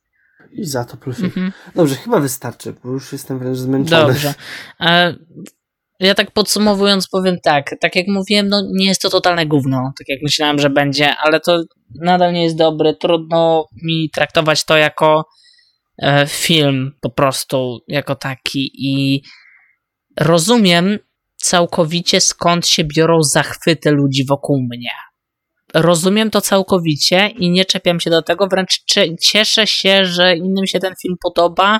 Nie cieszę się, jakie będzie to miało konsekwencje, bo już tak jak powiedzieliśmy, konsekwencje dla dalszego rozwoju Marvel Cinematic Universe obawiam się, że będą widoczne i będą tragiczne w skutkach dla osób, które chcą um, czegoś, nie wiem, czy bardziej przyjemnego to dobre określenie, ale to, co się dzieje teraz z Marvelem sprawia, że bardziej niż na nowego Doktora Strange'a czekam na Batmana, czy na niezależny film od A24, który będzie poruszał koncepcję multiversum, który po zwiastunie wygląda absurdalnie, ale czekam na... Może się w końcu nie będę czepiał, zobaczymy. czekam na... To było takie wiekowe osiągnięcie. Tak, czekam na premierę Everything Everywhere All at Once, jeżeli dobrze to... Tak myślę, że to byłby w sumie nawet dobry tytuł. Kacper nie czepia się o multiversum. Dobra. Już w kwietniu tytuł odcinka. Ale no, no, odcinek będzie w kwietniu, no bo ten film będzie w kwietniu. A, Chyba, że... Mm, I w sumie też się, jak już przy tym jesteśmy, przy tych datach premiery, to cieszę się, że Doktora Strange'a przesunie to na maj, bo po tym, co, czym był No Way Home dla mnie, a był bólem głowy i brzucha i to ogromnym, to ja się po prostu cieszę w tym momencie, że Marvel filmowy da mi trochę od siebie odpocząć. Bo krążą plotki, że Moon Knight ma być w marcu, ale seriale wypadają, do czego zaraz przejdziemy, ostatnio lepiej. Bez szału, ale lepiej. No i właśnie przechodząc do seriali, to skończył się też tydzień temu taki pewien serial. Tak. Też z Marvela, ponieważ robimy taki Marvelowy odcinek. Uhu. A mianowicie hokej. I powiedzmy to od razu, udało się to bardziej niż Spider-Man. Tak, dla nas tak. Dla nas się udało bardziej. Zabijcie nas. I w sumie dla, tutaj dla wielu osób, bo mhm. naprawdę jest to też film doceniany. Yy, tak mm. patrzyłem w recenzjach. No do serial, przepraszam. Tak. Aczkolwiek jak już jestem po obejrzeniu finału, który też obejrzałem z opóźnieniem, to mogę powiedzieć mimo wszystko, że finał jest ok. Ja rozumiem tą stylistykę. Niektórzy się czepiają, wiesz, że jest porażką ten finał. Ja, ja go tak nie traktuję, dlatego że rozumiem konwencję, która wynika dla mnie z całego serialu i była oczywistym zagraniem, przewidywalnym. I mogę stwierdzić, że hokej był spoko. Nie był niczym ponad to, że był spoko, przynajmniej dla mnie, poza paroma momentami a, i paroma elementami, ale był spoko. Ale po prostu miał fabułę. No, to jest ważne, bardzo. Coś przekazywał, cokolwiek. Tak, ma jakiś przekaz. I też e, od początku ma na siebie plan, mimo że, nie wiem, miejscami ta historia jakoś tam siada, mm, nie, nie umiem się w nią wciągnąć. Jest też naciągana i ten duch świąt, w którym jest utrzymana, biorąc pod uwagę, że jednocześnie próbuje opowiadać o wydarzeniach dla bohatera, jakim jest Hawkeye, dosyć poważnych, to e, no e, jakoś to działa. Można się czepiać, że te dwa elementy ze sobą nie współgrają, ale mimo wszystko jakoś to udaje się ograć i działa. Można powiedzieć tyle, że na początek, że Hawkeye jest takim serialem, który po prostu wreszcie pozwala nam jakkolwiek przybliżyć postać Hokaja, który mimo, że teoretycznie był jednym z głównych Avengersów, to zawsze w tych filmach był gdzieś tak w tle. I w sumie to za dużo... Podobnie jak Czarna Wdowa też. Tak, ale... Czarna Wdowa dostała własny film. To też było za mało. No tak. Ale... I ten serial to też jest za mało, jeżeli chodzi o budowę postaci Hokaja. Um, Aczkolwiek on nadal nie sprawia, przez to, że tego Hawkeye'a było zawsze mało, był taką postacią gdzieś na uboczu, to ja nigdy nie, nie po prostu nie, za, nie zapałałem do niego sympatią. Też aktor nie jest dla mnie jakimś wybitnym aktorem i nie jest jakiś świetny w tej roli i i ten serial nie sprawia mimo wszystko, że chcę tego bohatera zobaczyć więcej, ale jeżeli jego, wiesz, jakoś wątek będzie bardziej rozwijany, będziemy w stanie tą postać bardziej poznać, no to okej, okay, spoko. Mam wrażenie, że możemy tutaj pójść w bez spoilerówkę taką mhm. umiarkowaną, że nie będziemy za bardzo mówić o fabule, tylko o samym klimacie. Okej. Okay to może podzielimy sobie i wydzielimy potem krótką część, bo chcę wspomnieć o paru rzeczach spoilerowo, ale to dobra, to no. na razie możemy bez spoilerowka zrobić. To jakby już skończył się serial i w ogóle, więc nie wiem, ale no dobra. To znaczy, może nie chyba spoilerował, co nie chcę za bardzo się skupiać na samej fabule tak od początku Jasne. do końca. Bo jednak jest to dosyć dłu- no, dłu- długi, długa historia, Tak, tak. więc... To, co mi się tak naprawdę podobało, mm, to było takie pójście w komiksowość, tylko że w przeciwieństwie do No Way Home to poszło w taką dobrą komiksowość, taką umiarkowaną.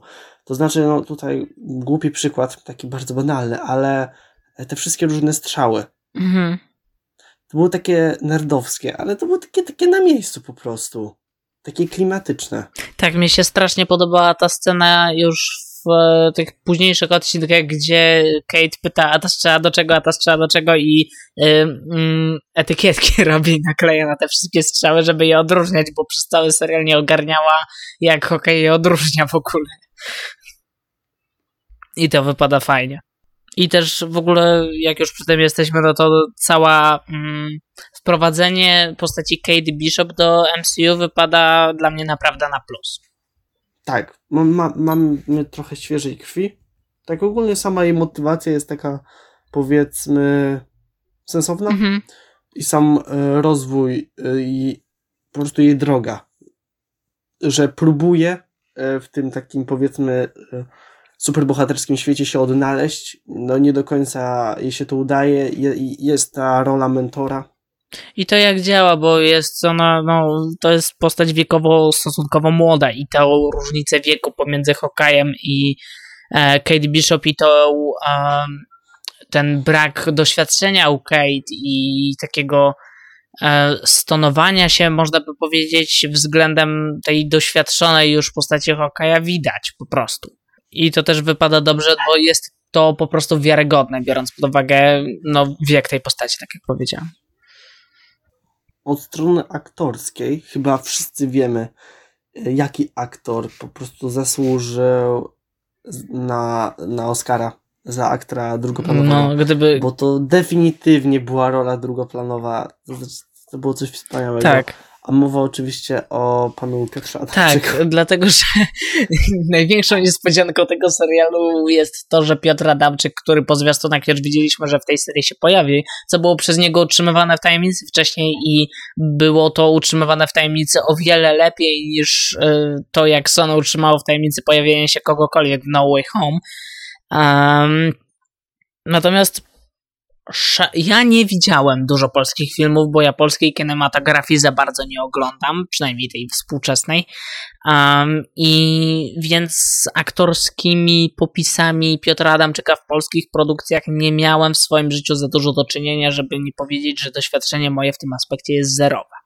Natomiast w tym serialu okazuje się, że Piotr Adamczyk ma tych pierwszych szczególnie odcinkach jakieś dłuższe sceny ze swoim udziałem i w każdym absolutnie momencie, w którym w tym serialu się pojawia, w każdej scenie kradnie ją po prostu w 100%, bo wypada tak fantastycznie. Tak, ogólnie od strony komediowej to naprawdę sam serial się trzyma. To znaczy, żarty są, są takie lekkie, niewymuszone, tak naprawdę. Tak, humor w tym serialu jest zdecydowanie na plus. Tu nie mam się do czego przyczepić. Nie ma, nie ma żartów, które są suche, naciągane, irytujące, fanserwisowe, czy coś. E, Jakby wszystkie, wsz- wsz- nawet jeżeli żart dla mnie osobiście nie jest zabawny, to nie, nie jest też żenujący albo irytujący. Ci nie wiem. Też te żarty są sytuacyjne, one zwykle wynikają z interakcji między postaciami um, i po prostu No za naturalnie. Bardzo, no dobra, trochę slapsticku jest czasami, ale no trochę slapsticku. No, slapstick w finale szczególnie się pojawia, dosyć mocny, bym powiedział. Taki już um, scena z choinką, tak. A, ale jeszcze w pierwszym. No No, dobra. więc ten slapstick jest, ale on też do samego finału to raczej nie był dla mnie jakoś ultra irytujący. Mamy jeszcze to, co mnie urzekło e, na tym pierwszym etapie tych pierwszych trzech, czterech chyba odcinków, z tego co pamiętam, to jest ten wątek tych. e, po pierwsze jest wątek, dwa wątki właściwie. Po pierwsze jest wątek Tracksuit Mafii z ich furgonetkami z napisem Trust a Bro. E, Tak. I każdy absolutnie dialog. To, że twórcy pozwolili Adamczykowi wtrącać polskie stwierdzenia do listy dialogowej, ciekawy jestem, jak to w ogóle wyglądało od strony technicznej na planie. Czy oni powiedzieli po prostu e, w tej scenie wtrącić coś do polsku i potem wyszedł Adamczyk krzyczący w tle w angielskim dubbingu Kazik spierdalamy. e, czy nie wiem co. ale i to przeszło oczywiście cenzora Disneya, no bo nikt nie, nie, nie, nie, raczej nie wnikał w etymologię polskich przekleństw, tutaj wulgaryzmów. Um, to jest taki inside joke dla, dla całego kraju. To jest coś pięknego po Jakby prostu. wiesz, to nam, e, to jest chyba pierwszy, pierwsza taka nie, niechciana reklama naszego kraju, która przedstawia go w świetle bardziej pozytywnym. Bo za każdym razem, wiesz, Polska na arenie międzynarodowej jest obecnie, no, e, krótko mówiąc, e, niezbyt dobrze przyjmowana przez i niezbyt dobrze pokazywana przez pryzmat różnych naszych zachowań. Y, Ciekawe, powiedz, powiedz w UK czy w USA gościowi I'm from Poland i jeśli skojarzy, no to na pewno zaraz po, pojawi się słowo kurwa. E, e, a tutaj... A teraz pojawi się spierdalamy. Jakby jest tak, jest dokładnie. E, I a tutaj mm, Adamczyk jest takim jasnym punkcikiem, który e, wkrada się w te listy dialogowe You're our hostage now, rozumiesz to? E, now I'm interrogating you, mm, to jakby tak. te wszystkie dialogi, ten wyczuwalny akcent, te Bardzo jeszcze rozmowa z tego, nie pamiętam, czy to był finałowy odcinek, czy ten poprzedzający finał, ale mamy listę, e, gdzie Adamczyk mówi do tego jakby swojego kolegi po, po fachu e, We are like Royal Tenenbaums. To też mi się strasznie spodobało. I albo cały wątek Adamczyka, który jest ten wątek właściwie poruszony gdzieś tam w tle, ale mamy Kate Bishop z poradami randkowymi dla Adamczyka, żeby nie zabierał tak. dziewczyny na koncert Imagine Dragons.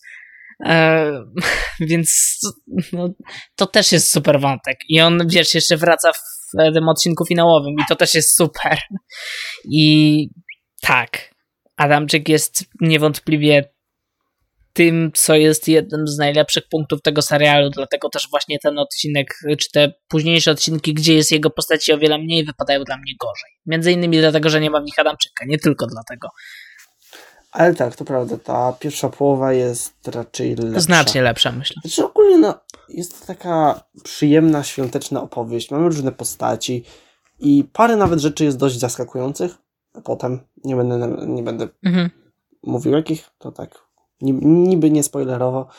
Sceny walki są takie ok, ale tak. Znaczy, wszystko jest w takim klimacie kameralnym utrzymane, ale o to chodziło i wydaje mi się, że to się po prostu sprawdza. Wiesz, tam widać też w niektórych scenach, że jest jednak użyty ten CGI i on też yy, nie rzuca się tak bardzo w oczy, bo on jest yy, o wiele w mniejszym nakładzie, można by powiedzieć, ale on też tak, rzadko dość. nie jest jakiejś jest wybitnej jakości tam. Znaczy też jestem pewien, że budżet był No to na pewno, więc... tak, tak, tak. tak. co? Mamy jeszcze cały wątek piesia z jednym ślepym oczkiem do wodek, które jednak irytowały mnie może ze względu na to, że piesio miał, miał komputerową właśnie ingerencję w pysiu, ale no... Oj. Skomputeryzowali piesia, ale poza tym piesio był uroczy, niech sobie będzie spoko.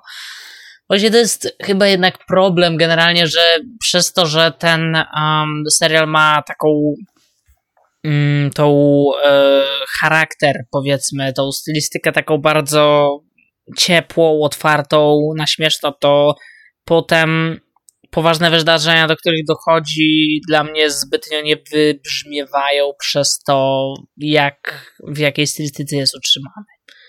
Ale z kolei na przykład mamy jeszcze bardzo na plus, dla mnie przynajmniej, rozmowy Clint'a z żoną i ogólnie całą jego relację z rodziną, jaką mamy tu przedstawioną.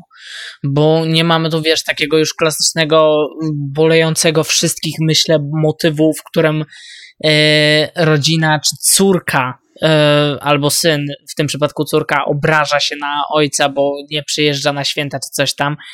Tutaj tego nie mamy. Tylko e, biorąc pod uwagę, że rodzina zna ojca tej rodziny, no to akceptuje to, że ma coś do załatwienia, no to ma coś do załatwienia, a nie robi tego ze względu na jakieś swoje widzimisię.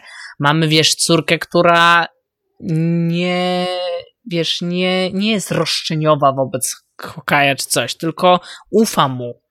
E, I mamy tu po prostu przedstawiony taki model takiej naprawdę kochającej, nietoksycznej rodziny. To też wynika w późniejszych odcinkach z rozmów Clint'a z żoną. To jest według mnie jeden z takich wątków, które zostały tutaj naprawdę super poprowadzone. A co do wątków, które zostały super poprowadzone, to my zasługujemy na jeszcze więcej pewnego musicalu i następne części pewnego musicalu. Release the Rogers Musical. To ma być po prostu to, to będzie oddzielna seria. Mhm. To, to, ma być kilka sezonów. Ja się strasznie nie, cieszę, to... to... już w sumie spoiler jest, no ale dobra, cieszę się z tej sceny po napisach strasznie.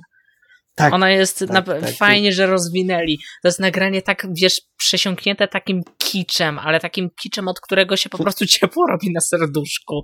I widać to, że wiesz, teatr jest pełen symboli, jest czymś symbolicznym i tam e, i do niektórych rzeczy podchodzi się bardzo w taki sposób surowy, można by powiedzieć. Widzimy to między innymi w scenie aktora grającego Ironmana w tym teatrze na Broadwayu. Super, że to się pojawia i to przedstawienie na początku też było czymś super. Ja. No, ogólnie sam serial, tak podsumowując trochę, no jest definitywnie według mnie warto obejrzenia. Znaczy, no jeżeli jesteście fanem Marvela, jeżeli nie, to no jeżeli wam się nudzi teraz w okresie świątecznym, to może można. No tak. Myślę, że nikt raczej, kto w sensie, okej, okay, jak się przyjrzymy, to też scenariusz nie, nie jest tak, że on się w 100% trzyma kupy i wszystko tam działa i tak dalej, ale jeżeli przymkniemy, wiesz, na to oko wszystko biorąc pod uwagę, że jest to taki dla Marvela luźniejszy projekt na boku, który ma być czymś takim ciepłym na święta, to naprawdę miło się to po prostu ogląda. Tak, i warto zaznaczyć, że scenariusz za dużo błędów według mnie nie ma, ale przynajmniej istnieje. Po prostu istnieje scenariusz. Je, jest. Jest fabuła. Jest jakaś historia. Okej. Okay. E, bo e, spoilery do Hokaja. E, bo to, co trzeba według mnie poruszyć, to jest to, co pojawia się w późniejszych odcinkach, czyli cały wątek Jeleny która jest tutaj, no pojawia się, nie, nie można temu zaprzeczać i jest to kontynuacja tego, co widzieliśmy w scenie po napisach w Black Widow. Co też była mało subtel, co też było mało subtelną sceną po napisach, no ale dobrze, dziś nie o tym. I co do samego wątku, okej? Okay? Mhm. W sensie... To znaczy... Tu znowu ujawnia się to, że Florence Pugh jest jednak super aktorką, a jeszcze jak jest dobrze prowadzona przez e, tego, kto tam kieruje ludźmi na planie, to już w ogóle wymiata, bo jej interakcje szczególnie z mm, postacią Kate Bishop, y, scena w windzie jest moją ulubioną. Tak. Ogólnie jakby relacja między tymi postaciami jest czymś uroczym. Tak, tak, tak, bo... Znaczy wręcz y, no, jest taka właśnie coś innego niż między mentorem. Właśnie powiedziałbym, że trochę widać, że Kate od paru lat ma problemy w relacjach z matką mhm. mam wrażenie, że tutaj jest to tak no jest trochę taką e, powiedzieć to teraz po polsku. No taką matczyną postacią trochę, tak minimalnie. Z jednej strony tak, a z drugiej tu nam się, wiesz, pojawia cały ten... Mm... Dobra, bardziej, o, starsza siostra. Okej, okay, no, dobra, no dobra, okej. Okay. Mogę to jakoś ten, no, chociaż mnie w ogóle się jakoś tak nie kojarzyło, ale to, jak o tym mówisz, to w sumie jakoś to mogę widzieć i a też super dla mnie jest to, jak bardzo ta postać jest na pewnych płaszczyznach absurdalna, że i jak bardzo um, jest inaczej patrząca na wiele kwestii przez y, swoje pochodzenie, przez to, że nie jest Amerykanką, przez to, że przyjechała do Nowego Jorku. Y, chcesz makaron, Kate? Włamałaś mi się do domu. Tak. No wiem. Hi, chcesz makaron? Y, spoko, jedzą makaron. Um, po co przyjechać do Nowego Jorku? wynajęto mnie. E, co można zobaczyć ciekawego w Nowym Jorku? Nie, nie zobaczę wszystkiego, oczywiście mam pracę, ale I want to kill him. Tak, to było, to ona tak naturalnie do tego Tak, podchodzi. bo ona, wiesz, z tematu makaronu w jednej scenie i tego, co warto zobaczyć w Nowym Jorku, potrafi przejść na temat tego, że hej, przyszłam to zabić człowieka, w ogóle w żaden sposób nie zamieniająca tonu głosu, wyrazu twarzy czy czegokolwiek. I to jest niesamowite absolutnie i ja po prostu chcę oglądać jeszcze więcej tej aktorki w tej roli, bo ona wypada świetnie. Też podoba mi się takie e, dopowiedzenie historii, jak sobie jeździły po świecie i ratowały czarne wdowy. Mm, tak, to jest dobrze tam Był przedstawione, że wiesz, fajny jest, fajnie pokazany jest generalnie ten przeskok, który też nastąpił, że e, pod wpływem blipu całego. Tak, tylko teraz jedna rzecz mnie zastanawia, no bo wiemy, że w scenie po napisach yy, no z Valentiną rozmawiała, mhm. a potem wyszło, że została zatrudniona przez mamę, która jeszcze miała z Kingpinem, yy, no jakieś połączenia, powiązania. Wiesz, to teraz już w sumie nie wiem, kto nadal jest. Nadal do końca tak nie wiemy, kim tak naprawdę jest Valentina i do czego ona tak. dąży i po czyjej stronie stoi. E, więc to też jest ciekawie rozwijany wątek według mnie. I to, że nadal trzymają nas w niepewności, to jeszcze jest taki wątek, który może być tam gdzieś rozwijany coraz bardziej e, i dojdziemy do momentu, kiedy postać Valentyny też swoją drogą dla mnie świetnie zagrana jak na razie ujawni nam się w pełnej krasie i okazałości. A, a Nowy taniec, nie no dobra. A skoro już wspomniałeś o Kingpinie, no to jest to kolejny taki powrót easter egg, który w tym serialu w porównaniu do poprzedniego projektu MCU, który omawialiśmy, jest stosunkowo mało, bo Kingpina, w Kingpina wciela się ten sam aktor, co w serialach Netflixa. Wow. Tylko raczej za dużo to nie sugeruje, biorąc pod uwagę, że. Znaczy, bardzo go nie wykorzystali. Ogólnie postać była ok, choć strasznie nie wyjaśniono na przykład, czemu był w stanie przeżyć te strzały i tak dalej. I no postać po prostu nie wykorzystana, biorąc pod uwagę, że choć też szanuję za tą samą scenę zabicia. Tak, ale głupie jest właśnie to, że go zabili, dlatego że zanim ta postać no tak. zdąży się jakoś wkraść w, na ekran, zanim zdążymy ją poznać i tak dalej, kim ona jest, właściwie jaka będzie jej rola w MCU, to ona w tym MCU zostaje uśmiercona. Okej. Okay. W sumie ciekawe, kto ma prawa do Kingpina, no bo był też w Spider-Man uniwersum. Dobra. W sensie, no, a nie wiem. No ale serial Netflixa jakby został przejęty już przez Disneya.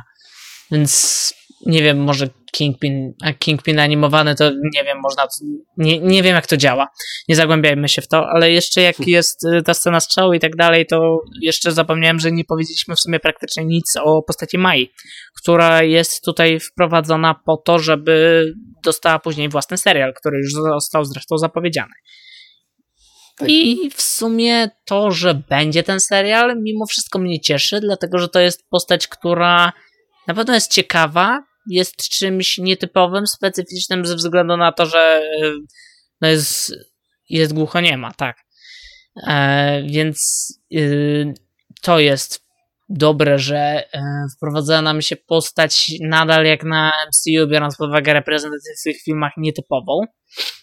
I też podoba mi się strasznie, nie wiem czy zwróciłeś na to uwagę, ale cały odcinek chyba bodajże czwarty czy trzeci otwiera nam sekwencja prequelowa, pokazująca nam mm. e, Maję jako tak. dziecko i tu strasznie mnie się podobał dobór aktorki, bo ta aktorka dziecko i ta aktorka później grająca już dorosłą Maję, to naprawdę były podobne.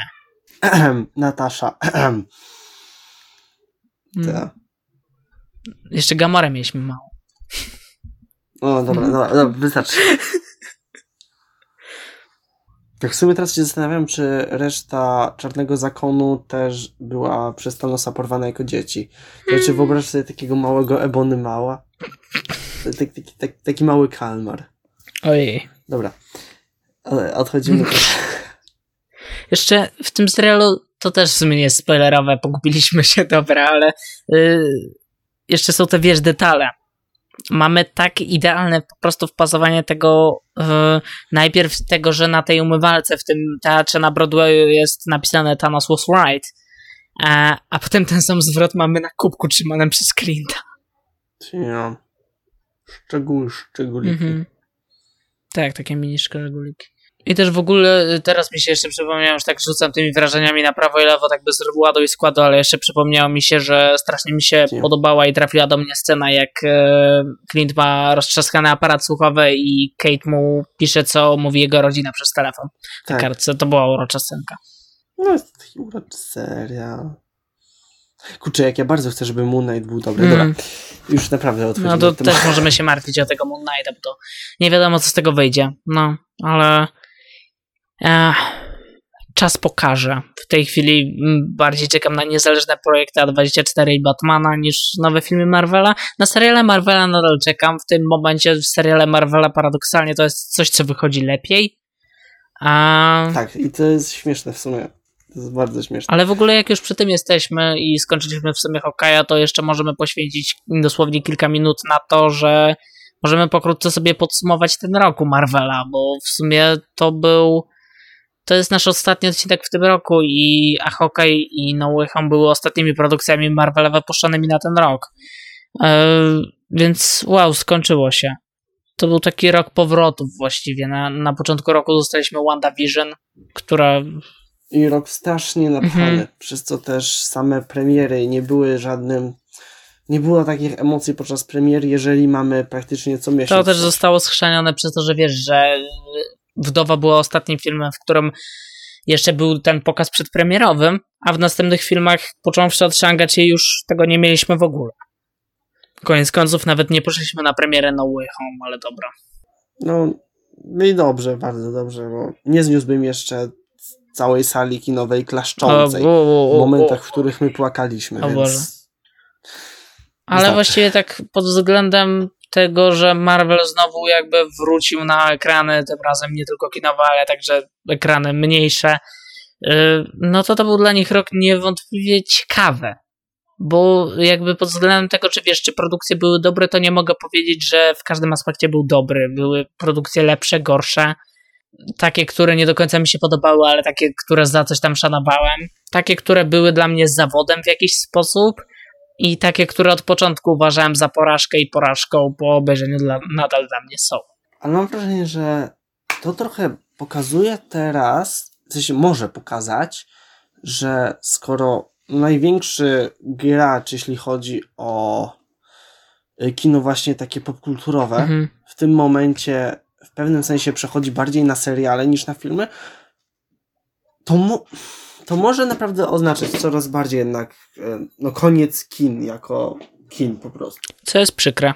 Nie, no Ale no tak. z drugiej strony, mówiąc już ogólnie nie o samym Marvelu, to dla kin był to też rok dobry. Powiesz porażce, jaką był poprzedni rok, tym, że przez większość czasu kina były zamknięte i tym, że jedyną taką wielką mainstreamową bardziej premierą był Tenet, który no nie nie sprawił, że te kina wróciły. Tak, ten rok y, kina były przez stosunkowo długą część tego roku otwarte. Dostaliśmy też dużo blockbusterowych produkcji, które może nie zarobiły jakichś ultra dużych pieniędzy, z wyjątkami oczywiście, ale na pewno były to produkcje dobre. Czekam też na Oscary, no bo dostaliśmy naprawdę solidny rok pod względem filmowym, jeszcze spore ilości pozycji, które mogą być w jakiś sposób nominowane albo ważne w tym sezonie nagród nie widziałem. E, bo z tego względu, że część wyleciała prosto na streaming, ale na pewno dla kin był to rok, w który pozwolił mi się w jakimś, myślę, tam stopniu jednak odkuć. Ja. Tak trochę nawiązując do tego, co wcześniej mówiłeś. Dune, bu, podobno Dune, y, budżet Dune to 165 milionów. Hmm, widzisz. Taki, Czyli mniejszy niż Spider-Man. Okej, okay. no dobra. Nawet mniejszy, no widzisz, no to... Mm. Tak, mniejszy, mniejszy. No Chryste, panie, no. No ale Duna też, wiesz, zgarnęła, mimo że była nawet grana w grudniu jeszcze, no to zgarnęła tam ile? Ponad 300 chyba, nie? Coś takiego. Więc to jakby wszystkie te, te premiery to jest do 500 milionów maksymalnie. Przy większości Venom chyba zgarnął 400 coś. E, no to ten miliard u Spidermana jednak robi wrażenie na tle tego wszystkiego i też martwi mnie to po prostu, że potrafię z całą do zupełności uzasadnić, z czego to, że ten film tyle zarobił wynika i że w sumie mnie to w ogóle nie dziwi. I to jest najbardziej martwiące. No, to... Jeszcze tak e... tak wtrącę, hmm. ponieważ sobie teraz przypomniałem, że w sumie zastanawiam się, czemu, jak Doctor Strange oddzielił astralną część Petera od fizycznej, to czemu on nadal mógł sobie, no, poruszać. I czemu jakby ciałem. wypadł ze stroju, też można zadawać takie pytania, bo Y, Co, jak oddzielasz się od fizycznej formy, to bez kostiumu? Dlaczego był w zwykłym ubraniu? Z którego chyba pod tym kostiumem nie miał. To jest, że chodzi mi o to, że przedwieczna była w stanie Hulka praktycznie, no właśnie jednym ciosem tak zniwelować, a tutaj haha, Spider-Man może, ponieważ tak i nigdy więcej nie wrócił Mhm. do tego wątku. Tak, ale też y, zadaję sobie pytanie, dlaczego ta y, y, duchowa jakby forma oddzielona od ciała nie miała kostiumu, mimo że ciało go miało. To jest kolejna. Skończmy, dobrze, naprawdę To, to, to skończmy. naprawdę. E, dobra, To jest taka dyskusja o niczym. dziękujemy za ten rok. Na pewno były jakieś osoby, które co jakiś czas wracały tutaj i słuchały przynajmniej części tych naszych wypocin głosowych. Em, więc dziękujemy Wam za to, że byliście. Mam nadzieję, że kiedyś może zbierze Was się tu trochę więcej. 40 epizodów za nami, w tym ponad 20 z poprawnym nagraniem głosowym, więc y, jest z czego wybierać, jest czego słuchać. Dziękujemy za ten rok. To był dobry rok, tak jak mówiłem, pod względem filmowym. Przeciętny rok, jeśli chodzi o żyćko, ale no cóż. Niedługo wchodzimy w następny, także znośnego. Tak, i tak jeszcze, jeżeli podobał Wam się No Way Home, to przemyślcie swoje życiowe wybory i obejrzyjcie Zimowego Żołnierza i potem jeszcze raz E, przemyślcie tak, i jeszcze możecie, wybory. e, oprócz Zimowego Żołnierza, jeszcze możecie sobie obejrzeć Eternals i zobaczyć, że to faktycznie jest fajne, że jest to oryginalny film. I jeszcze obejrzcie sobie mm, Into the Spider-Verse, bo to na tą chwilę Spider-Man, którego mogę gorąco polecić wszystkim. Muszę sobie na, e, obejrzeć jeszcze raz niedługo, bo czekam. Aha, i ostatnio też e, oglądałem po raz kolejny Knives Out i nadal kocham ten film. Bez O, związku. Fajnie. Ja nie mogę się doczekać sequela. Tak. na sequel Knives Out czekamy, to nas czeka w następnym roku, prawdopodobnie tak samo jak e, co nas jeszcze czeka w następnym roku. Nowy film Wes Andersona. A cię wkręciłem w Wes Andersona, więc jej, jeżeli można to tak nazwać, nie? E, czeka nas też kilka filmów Marvela, niezależny projekt A24 o multiversach, między innymi nowy Batman, na którego mamy jaranko ogromne w tym momencie. E, i wiele innych rzeczy, o których prawdopodobnie jeszcze nie wiemy, bo nie pamiętamy, że będą miały miejsce, albo jeszcze nikt nie ogłosił, że będą miały miejsce. Premiera Disney Plus w Polsce, kto wie. E, I Nie, nie. na pewno jeszcze Dziękuję. premiera HBO Max Polsce. E, aha, jeszcze serial z uniwersum Władcy Pierścienia od Amazona. Po tym, jak wygląda koło czasu, czyli ich taki testowy serial fantazy, można by powiedzieć, i po tym, że miałem dosyć po czterech odcinkach i nie wrócę już do tego serialu, to wiem na pewno, że do niego nie wrócę. Mam wątpliwości co do Lotra od Amazona, ale czas pokaże. O, czyżby moje przewidywania o tanim Wiedźminie się sprawdziły? Nie wiadomo. A właśnie był teraz też drugi sezon Wiedźmina. Też ludzie narzekają. Eee, więc wow, wow, wow. Aha, i za rok jeszcze spin-off do Gry o Tron. Nie widziałem Gry o Tron, więc Tak, to takie dzień, dzień, dzień świąteczne. tak. Odcinek jest wypuszczony po I- świętach, więc To nieważne. Jest jeszcze okres świąteczny. I do zobaczenia w do przyszłym roku. usłyszenia, drodzy Państwo. Pa, pa.